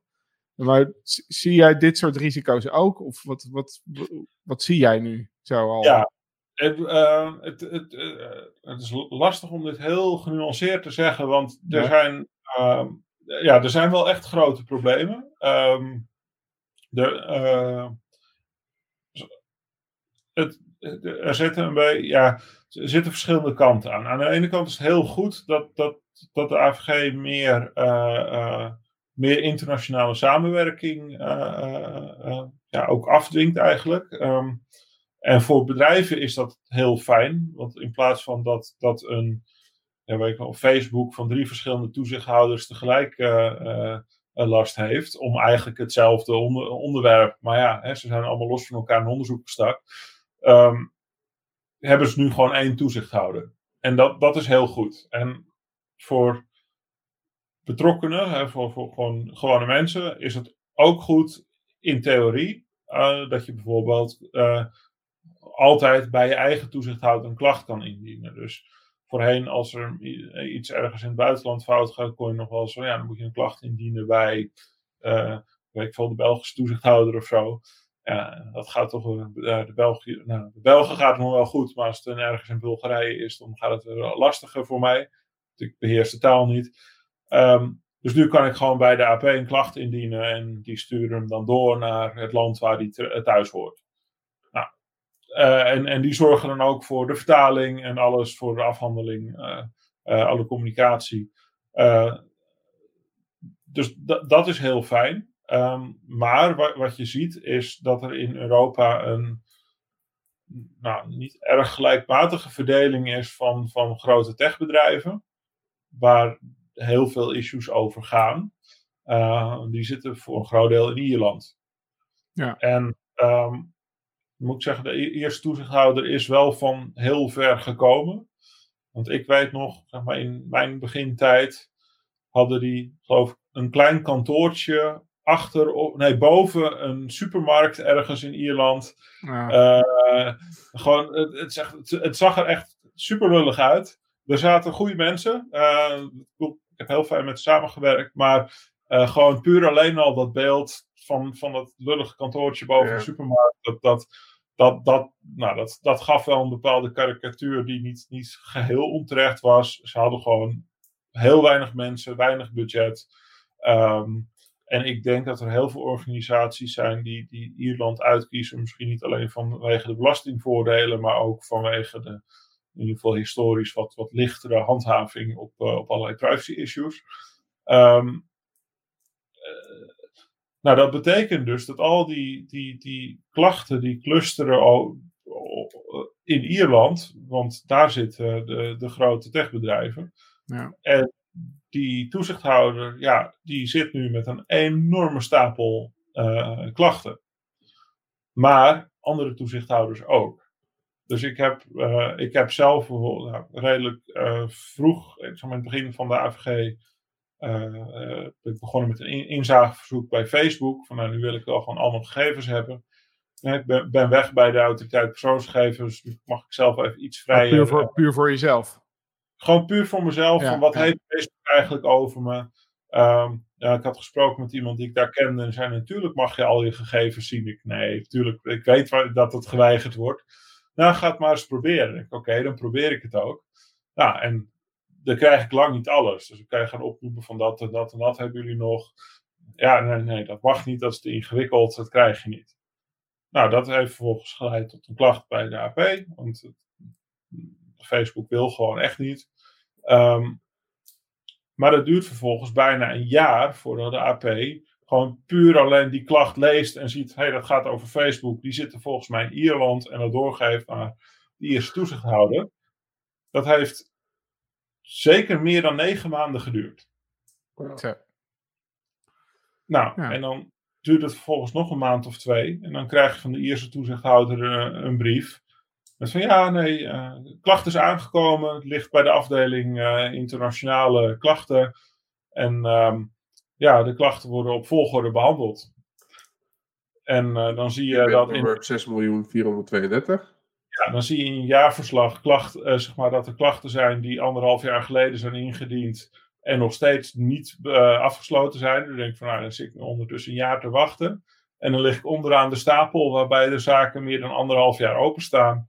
Ja, gaat niet zo lekker. Nee. Nee. dat, is, dat, is, dat is een klacht over, ja, het is een lastige organisatie. Maar over echt de basis van de AVG. Dat is namelijk als betrokkenen moet je weten wat voor, kunnen weten wat voor gegevens er over je verwerkt worden. Anders kan je al je andere rechten niet uit, uitoefenen. Je kan niet bezwaar maken tegen iets wat je niet weet. Je kan niet uh, uh, gegevens verbeteren of, of, vragen om verwijdering als je niet weet dat ze er zijn en dat ze fout zijn. Uh, dat is gewoon de basis. En nou, dus de, dat zou, hè, dus even heel naïef denken, zou ik denken, dat zou dus een van de grote prioriteiten moeten zijn van de toezichthouders. Dat betrokkenen zelf hun rechten kunnen uitoefenen, zodat ook als er problemen zijn, dat die naar boven komen. En dat het misschien gewoon, hè, uh, uh, gewoon puur door de aandacht alleen al gecorrigeerd wordt. Eh, zonder dat er een toezichthouder aan te pas komt.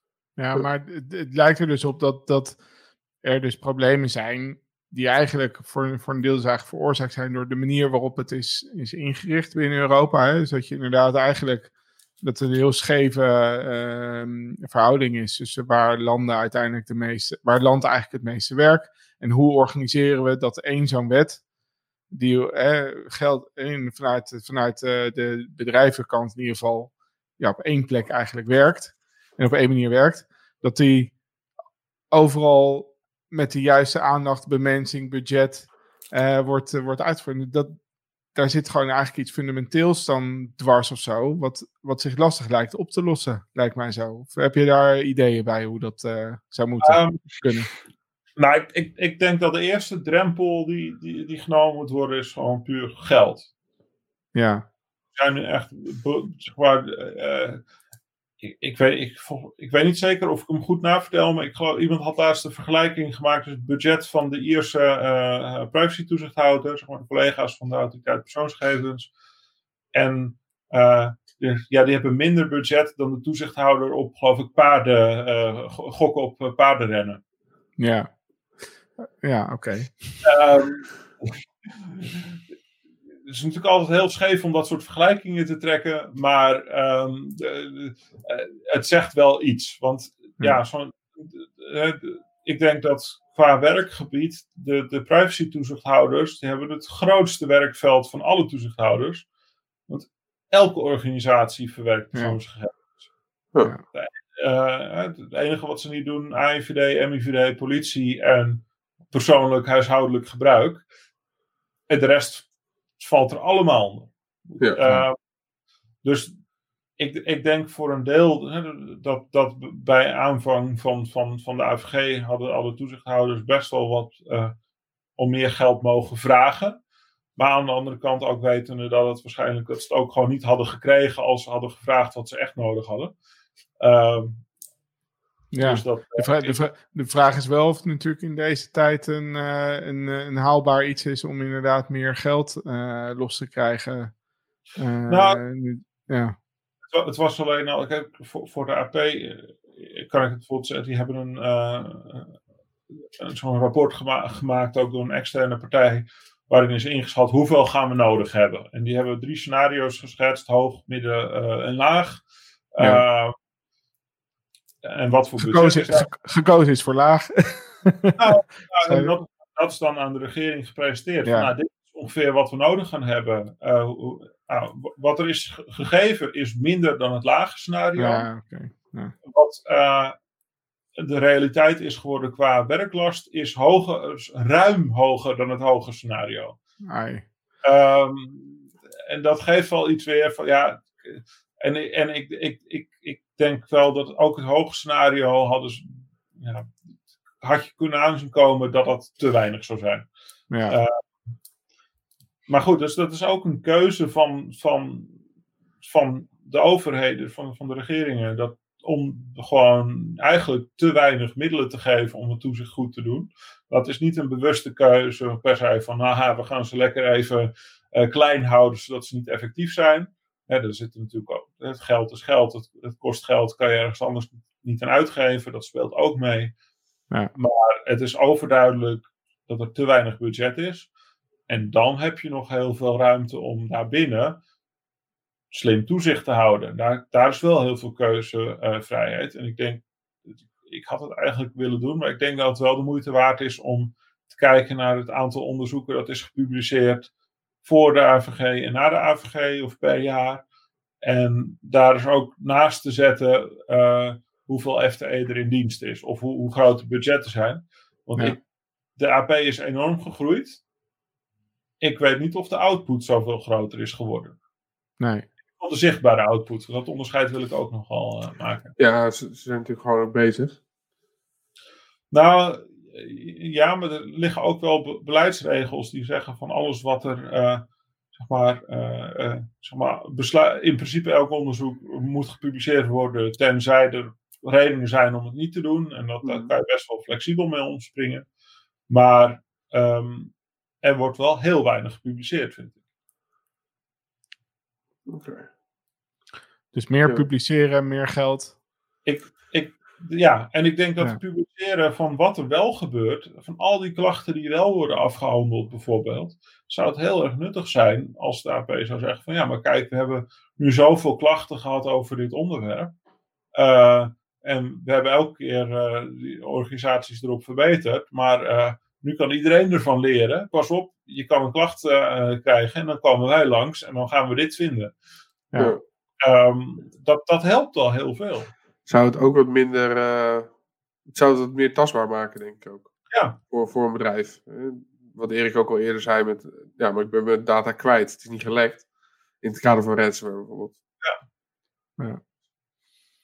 Oké, nou weet je, eh, we zijn inmiddels eh, ruim over de twee uur eh, heen. Het, het praat altijd heel erg, heel erg eh, goed zo op deze manier als je met leuke, interessante mensen praat. Dus dat is bij deze ook hartstikke gelukt.